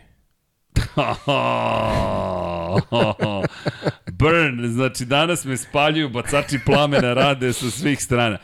Pa pazi. Ne znam, pitam. Ne treba znam. mi vreće za spavanje. Džanki kad zagreje ko furunče. Ko furunče. Tako, ko furunče, tako da vreće je samo kad sam sam, ali dobro. Da, dobro. Kad dobro. si već krenuo. Tim putem, Džanki, volim te, baby. Širite ljubav, mazite se i pazite se, budite dobri. Pošaljite poruku 9656 ili 500 da znam da uvek neki put kažem to šaljem glasom i reći ću vam šaljem glasom zašto, zato što to treba da bude pozitiva. Ozbiljna stvar, nemaju sva deca mogućnosti koje smo mi imali, pogledajte koliko smo nas dvojica debeli i dan danas živimo na uspomenom iz detinjstva, imamo te specijalne majice, izvinjam se. Ko? Koliko? Ma Vanja, vidiš kada čovjek se sam... Strašno. Strašno. Strašno, ima, ima radio od sebe 4% masti u sebi. Ma užas. A imao je 3, ko pošten čovek. Ali, Činjenice da, pošaljete poruku 9656, 200 ili 500, za svako dete UNICEF usrećite neko dete. Eto, vrlo jednostavna poruka. Devojke, nemojte da mašemo prstima ovde po Lab 76, mi vas pozivamo uz osmeh. Idite, proverite se, molim vas. Proverite sebe prvo, ukoliko nešto postoji, nema straha, ukoliko postoji problem, pišite, ne morate na chat, mi možete nama da kažete, ej, nešto se desilo, mi ćemo vam reći, idite kod lekara. Zašto? Nismo mi pozvani za to, nismo lekari, ali smo neka grupa ljudi koja želi najbolje dobrim ljudima, tako da eto, to mi je naša poruka. Vodite računa jednim drugima, mazite se i pazite se, budite dobri, opalite jedan like ukoliko vam se dopada sadržaj koji smo vam prezentovali večeras, to čuvena rečenica youtubera, a ukoliko nije, da kada citiram neke druge, hvala vam što ste nas slušali čitava dva i po skoro tri sata, ali, znaš, ono čuveno za Howarda Šterna, što ga ljudi slušaju, pola ga slušaju da, koje ga ne podnosi, da bi čuli što ima da kaže, pola ga, ne, pola ga voli, pa želi da čuje šta će da kaže. Da, da. Nadamo se da vi nas volite, jer mi volimo vas, udrite like, subscribe, join i sve ostale dogmiće koje možete da popalite na našem divnom kanalu. Mi se nadamo da vam je bilo zabavno, nama svakako jeste, kao i svakog utorka, kao i svaki srede, mada ove, ove redanje neće biti srede, ali eto, nadamo se da će ova dupla odvojena doza, ovo ti kao dva espresa da si popio, a ne dupli espresso, i u to ime da se pozabavimo naravno zahvalnošću prema našim patronima, da ne kažem pokroviteljima kojih ima sve više i više, što je predivno. I hvala vam na tome, kao što rekoh, videli ste gde ćemo da trošimo pare i spremite se. A pa Živković je seo, opustio se, nemojte da ga prikazujete, s obzirom na činjenicu da je rekao, dosta je, ne morate se izuvati kolega, ali kad smo već krenuli tim putem, šalim se, naravno, to je besmisleno, to ti je za malo pređašnji komentar, ali kako se gledaju, ja bih volao da smem da vam ovo prikažem, A, ne, ne, ne, to nije fair, to nije fair. Uze mikrofon ponovo u ruke, gospodin Pavle Živković, a ja ću sada da pobegnem među naše patrone, da ne kažem pokrovitelje. Ljo Đurović, arhitektica, znamo ko ste arhitektice, Mladen Tešić, Đorđe Milanović, Stefan Vuletić, Marko Kostić, Jelena Veljković, Aleksa Volter, Valter, zašto Volter, Aleksa Valter, zatim Ivan, izvinjam se, Aleksa, Ivan Milatović, Dušan Delić, Luka Martinović, Vojin Kostić, Martin Antunović, Aleksa Lilić, Sead, Dorijan Kablar, Matej Sopta, Gloria Edson, Igor Jankovski, Nikola Miroslavljić, Marko Kođić, Šmele, Marko Petrkanović, Milan Apro, Branimir Rijevec, Nemanja Jasmina Pešić, Matija Rajić, Zoran Cimeša, Danijela Ilić, Đole žena mi zna, Andreja Miladinović, Borislav Ivanović, Miloš Radosavljić, LFC, Crnogorski, Džeda i Grgo Živaljić, zatim pa Vlada Ivanović, Jugoslav Krasnić, Andreja Branković, Nebojša Živanović, Ivan Rečić, Andrej Bicok, Veselin Vukićić, Dimitrije Mišić, Ivan Ciger, Safet Isljami, Ivan Panajotović, Boris Ercik, Džigi, Bao, Branislav Kovačević, te Di Presko, Udi Garban Fen, Aleksandar Jurić, Vladimir Filipović, Vladimir Petković, Đorđe Đukić, Pavle Nija, Miloš Todorov, Emir Mešić, Andrija Todorović, Ertan Prelić, Alen Stojčić, Bojan Markov, Bahter Abdurmarov, Bojan Markov, to je ono ime i prezime koje smo hvala Bojane, hvala svima, zatim Dejan Đokić, Darko Trajković, Ferenc Laslofi, Branko Bisački, Žarko Mirić, Aleksandar Milosavljević, Igor Gašparić, čovjek koji nam je popravio internet, Aleksandar Milosavljević, inače čovjek zvani Superica. U svakom slučaju Vukašin Jekić, Branislav Marković, Igor Vučković, Aca Vizla, Dejan Vujović, Nemanja Zagorac, Aleksandar Antonović, Novak Tomić, Boris Kujundžić, Tijana Vidanović, Aleksa Jelić, Dažena Nesazna, Dušan Petrović, Lazar Pejević, Stefan Deljković, Alen Vuletić, Zoran Majdov, Nikola Stojanović, Jasenko Samrđić, Bojan Majstorović, Antonio Novak, Stefan Milošić, Miroslav Cvetić, Đole Bronkos, Ognjan Marinković, Aleksandar, Nemanja Miloradić, Marina Mihajlović, Dušan Ristić, Miloš Vuletić. 151 pokrovitelj. Ua, kung fu. Luka Manitašević, Zorana Vidić, Marko Horg, Boris Golubar, Mirjana Živković, Josip Kovačić, Andrej Božo, Boris Gvozden, Nenad Simić, Petar Relić, Bojan Mijatović, Milan Nešković, Borko Božunović, Marko Ćurčik, Mlađan Antić, Kristina Šestak, Stefan Vidić, Ivan Žorž, Luka Savić, Jelena Mak, Goša 46, Kovačević Omer, Monika Erceg, Nenad Đorđević, Nikola Božinović, Filip, Mihajlo Krgović, Đorđe Radović, Predrag Simić, Ivan Simonović, anonimna osoba, zatim Zoran Šalamun, Aleksa čovjek koji je poklonio web sajt A, hvala Zorane. Zatim Miloš Banduka, Aleksa Vučaj, Mario Vidović, Zoltan Mezej, Stefan Lešnik, Ivan Maksimović, Toni Ruščić, Milan Đurđević, Marko Bogac, Nikola Grujičić, Marko Mostarac, Mladen Krstić, Marko Čuković, Stefan Tulić, Ivan Toškov, Sava Dugi, Jelena Jeremić i Ozren zvani The Prvi Prpić. Hvala Ozrene što si pokrenuo ovu lavinu pokrovitelja. Ti si bio vid, vidovit, Pa se sprema, ali ne zaboravlja da imamo još 68 imena. A to su ljudi koji se, šalim se samo, šalim se. Ok, šta je 68 imena Šta je za tebe? 60? Ti To, to za tili čas. 15 A, sekundi. imamo nove pokrovitelje. Aleksandar P. Zatim DG, Regi, hvala DG, Milan Todorović, Sejdo Mujčić, Kosta Berić, Uroš Ćosić, Marko Stojilković, Nikola Božović, Nikola Vulović, Ivana Vesković, Ivan Vincetić, Igor Ilić, Vuk, Nemanja Bračko, Maksi, Mensur Kurtogić, Galeksić, Nemanja Krstović, Uroš Čuturilo, Alin Jesenović, Igor Ninić, Žarko Varović, Marko Bogovac, Voča Perov, Vla, Vla, Vladan Đurić, korespondent, korespondent, Marakos, Zlatko Marić, Milan Krežević, Aleks Vulović, Nemanja Cimbaljić, Bojan Pejković, Koja 7, Almir Vuk, Resničani, Petar Bjelić, Kro Robi 00. Izvinjam se, gde je naša torta, by the way? Isečena, molim vas, u frižideru, seče se u frižideru, pa molim vas, pa za Borisa Trutina, kako da mu obeležimo rođena? Pa mo, Vanja, molim te, pa stvarno nema smisla. Pa ti smeš šećere da unosiš čoveče, ti ugljene hidrate smeš posle te vežbe graditi mišiće. Ne, ne, kaže Vanja. Vanja je, to je Vanja. moj đak. Isto, ne, ne, Nema ovo doba. šećeri. Može, može šećeri. Kro Robi 0-0, Pavle Lukić, Petar Bjelić, Resničan je Aver Vuk za svaki slučaj, Milorad Reljić, Andreja David, Nenad Lukić, Saša Stevanović, Toni Soni 76, Nikola Niksi, Branko Rašević, Nikola Grđan, Miloš Tanimirović, Bakadu, Bojan Gitarić, Ivan Magdalanić, Ivan Vujasinović, Tatjana Lemajić, Veselin Vukićić, Branislav Dević, Vukašin Vučenić, Almedin Ahmetović, Nemanja Labović, Miloš Zed, LFC, Nikola Kojić, Nemanja Miloradović, Zvonimir Prpić, Papić, Papić, Papić, Marina, Vlada Ivanović, Oliver Nikolić, Jelena Jeremić, Aleksandar Nikolić, anonimna osoba, svojom voljom, Nemanja, Bojan Markov i Danilo Petrović, 70 ljudi, još imamo pokrovitelja. Uaa, hvala vam drugari, a ono što nam ostaje sada, jeste šta? Da kažemo Borisu Trutine, dragi Borise, Danas nam je divan dan. Borisu rođendan. Boris, još malo, još 12 još, minuta. Još rođen dan, rođen dan. Evo, Pajo, stiže ti ovde ruka koleginici iz prodaje. Izvolite, U, to, ko, ko, izvolite ko, gospodin Ko Sars, uh, ruka Satrijanieva, biće ruka koleginici iz prodaje. Ruka koleginici, RKP, tako nam se zove band. Ruka koleginici iz prodaje, RKP, okej. Okay. Elem, ja ću sad da pojedem ovo malo šećera i da dodam još koji kilogram. Nemojte, deca, ovo da radite kod kuće, ja sam trenirani profesionalac kome je dozvoljeno da konzumira šećere ovako kasno. I u to ime... On je jedini u ekipi koji konzumira šećere u ovo vreme, tako da. Ali u to ime mi vam želimo laku, lepu noć i srećne rođendane svima veselim ljudima gde god da ste na planeti, a i srećan nerođendan svima ostalima, jer mi vam šaljamo more ljubavi iz studija na kraju univerzuma, budite dobri, mazite se, pazite se i naravno, I? gledajte Formula 1. I? I? Ćao, Ćao svima. svima. Lepo spavajte. Ćao ljudi.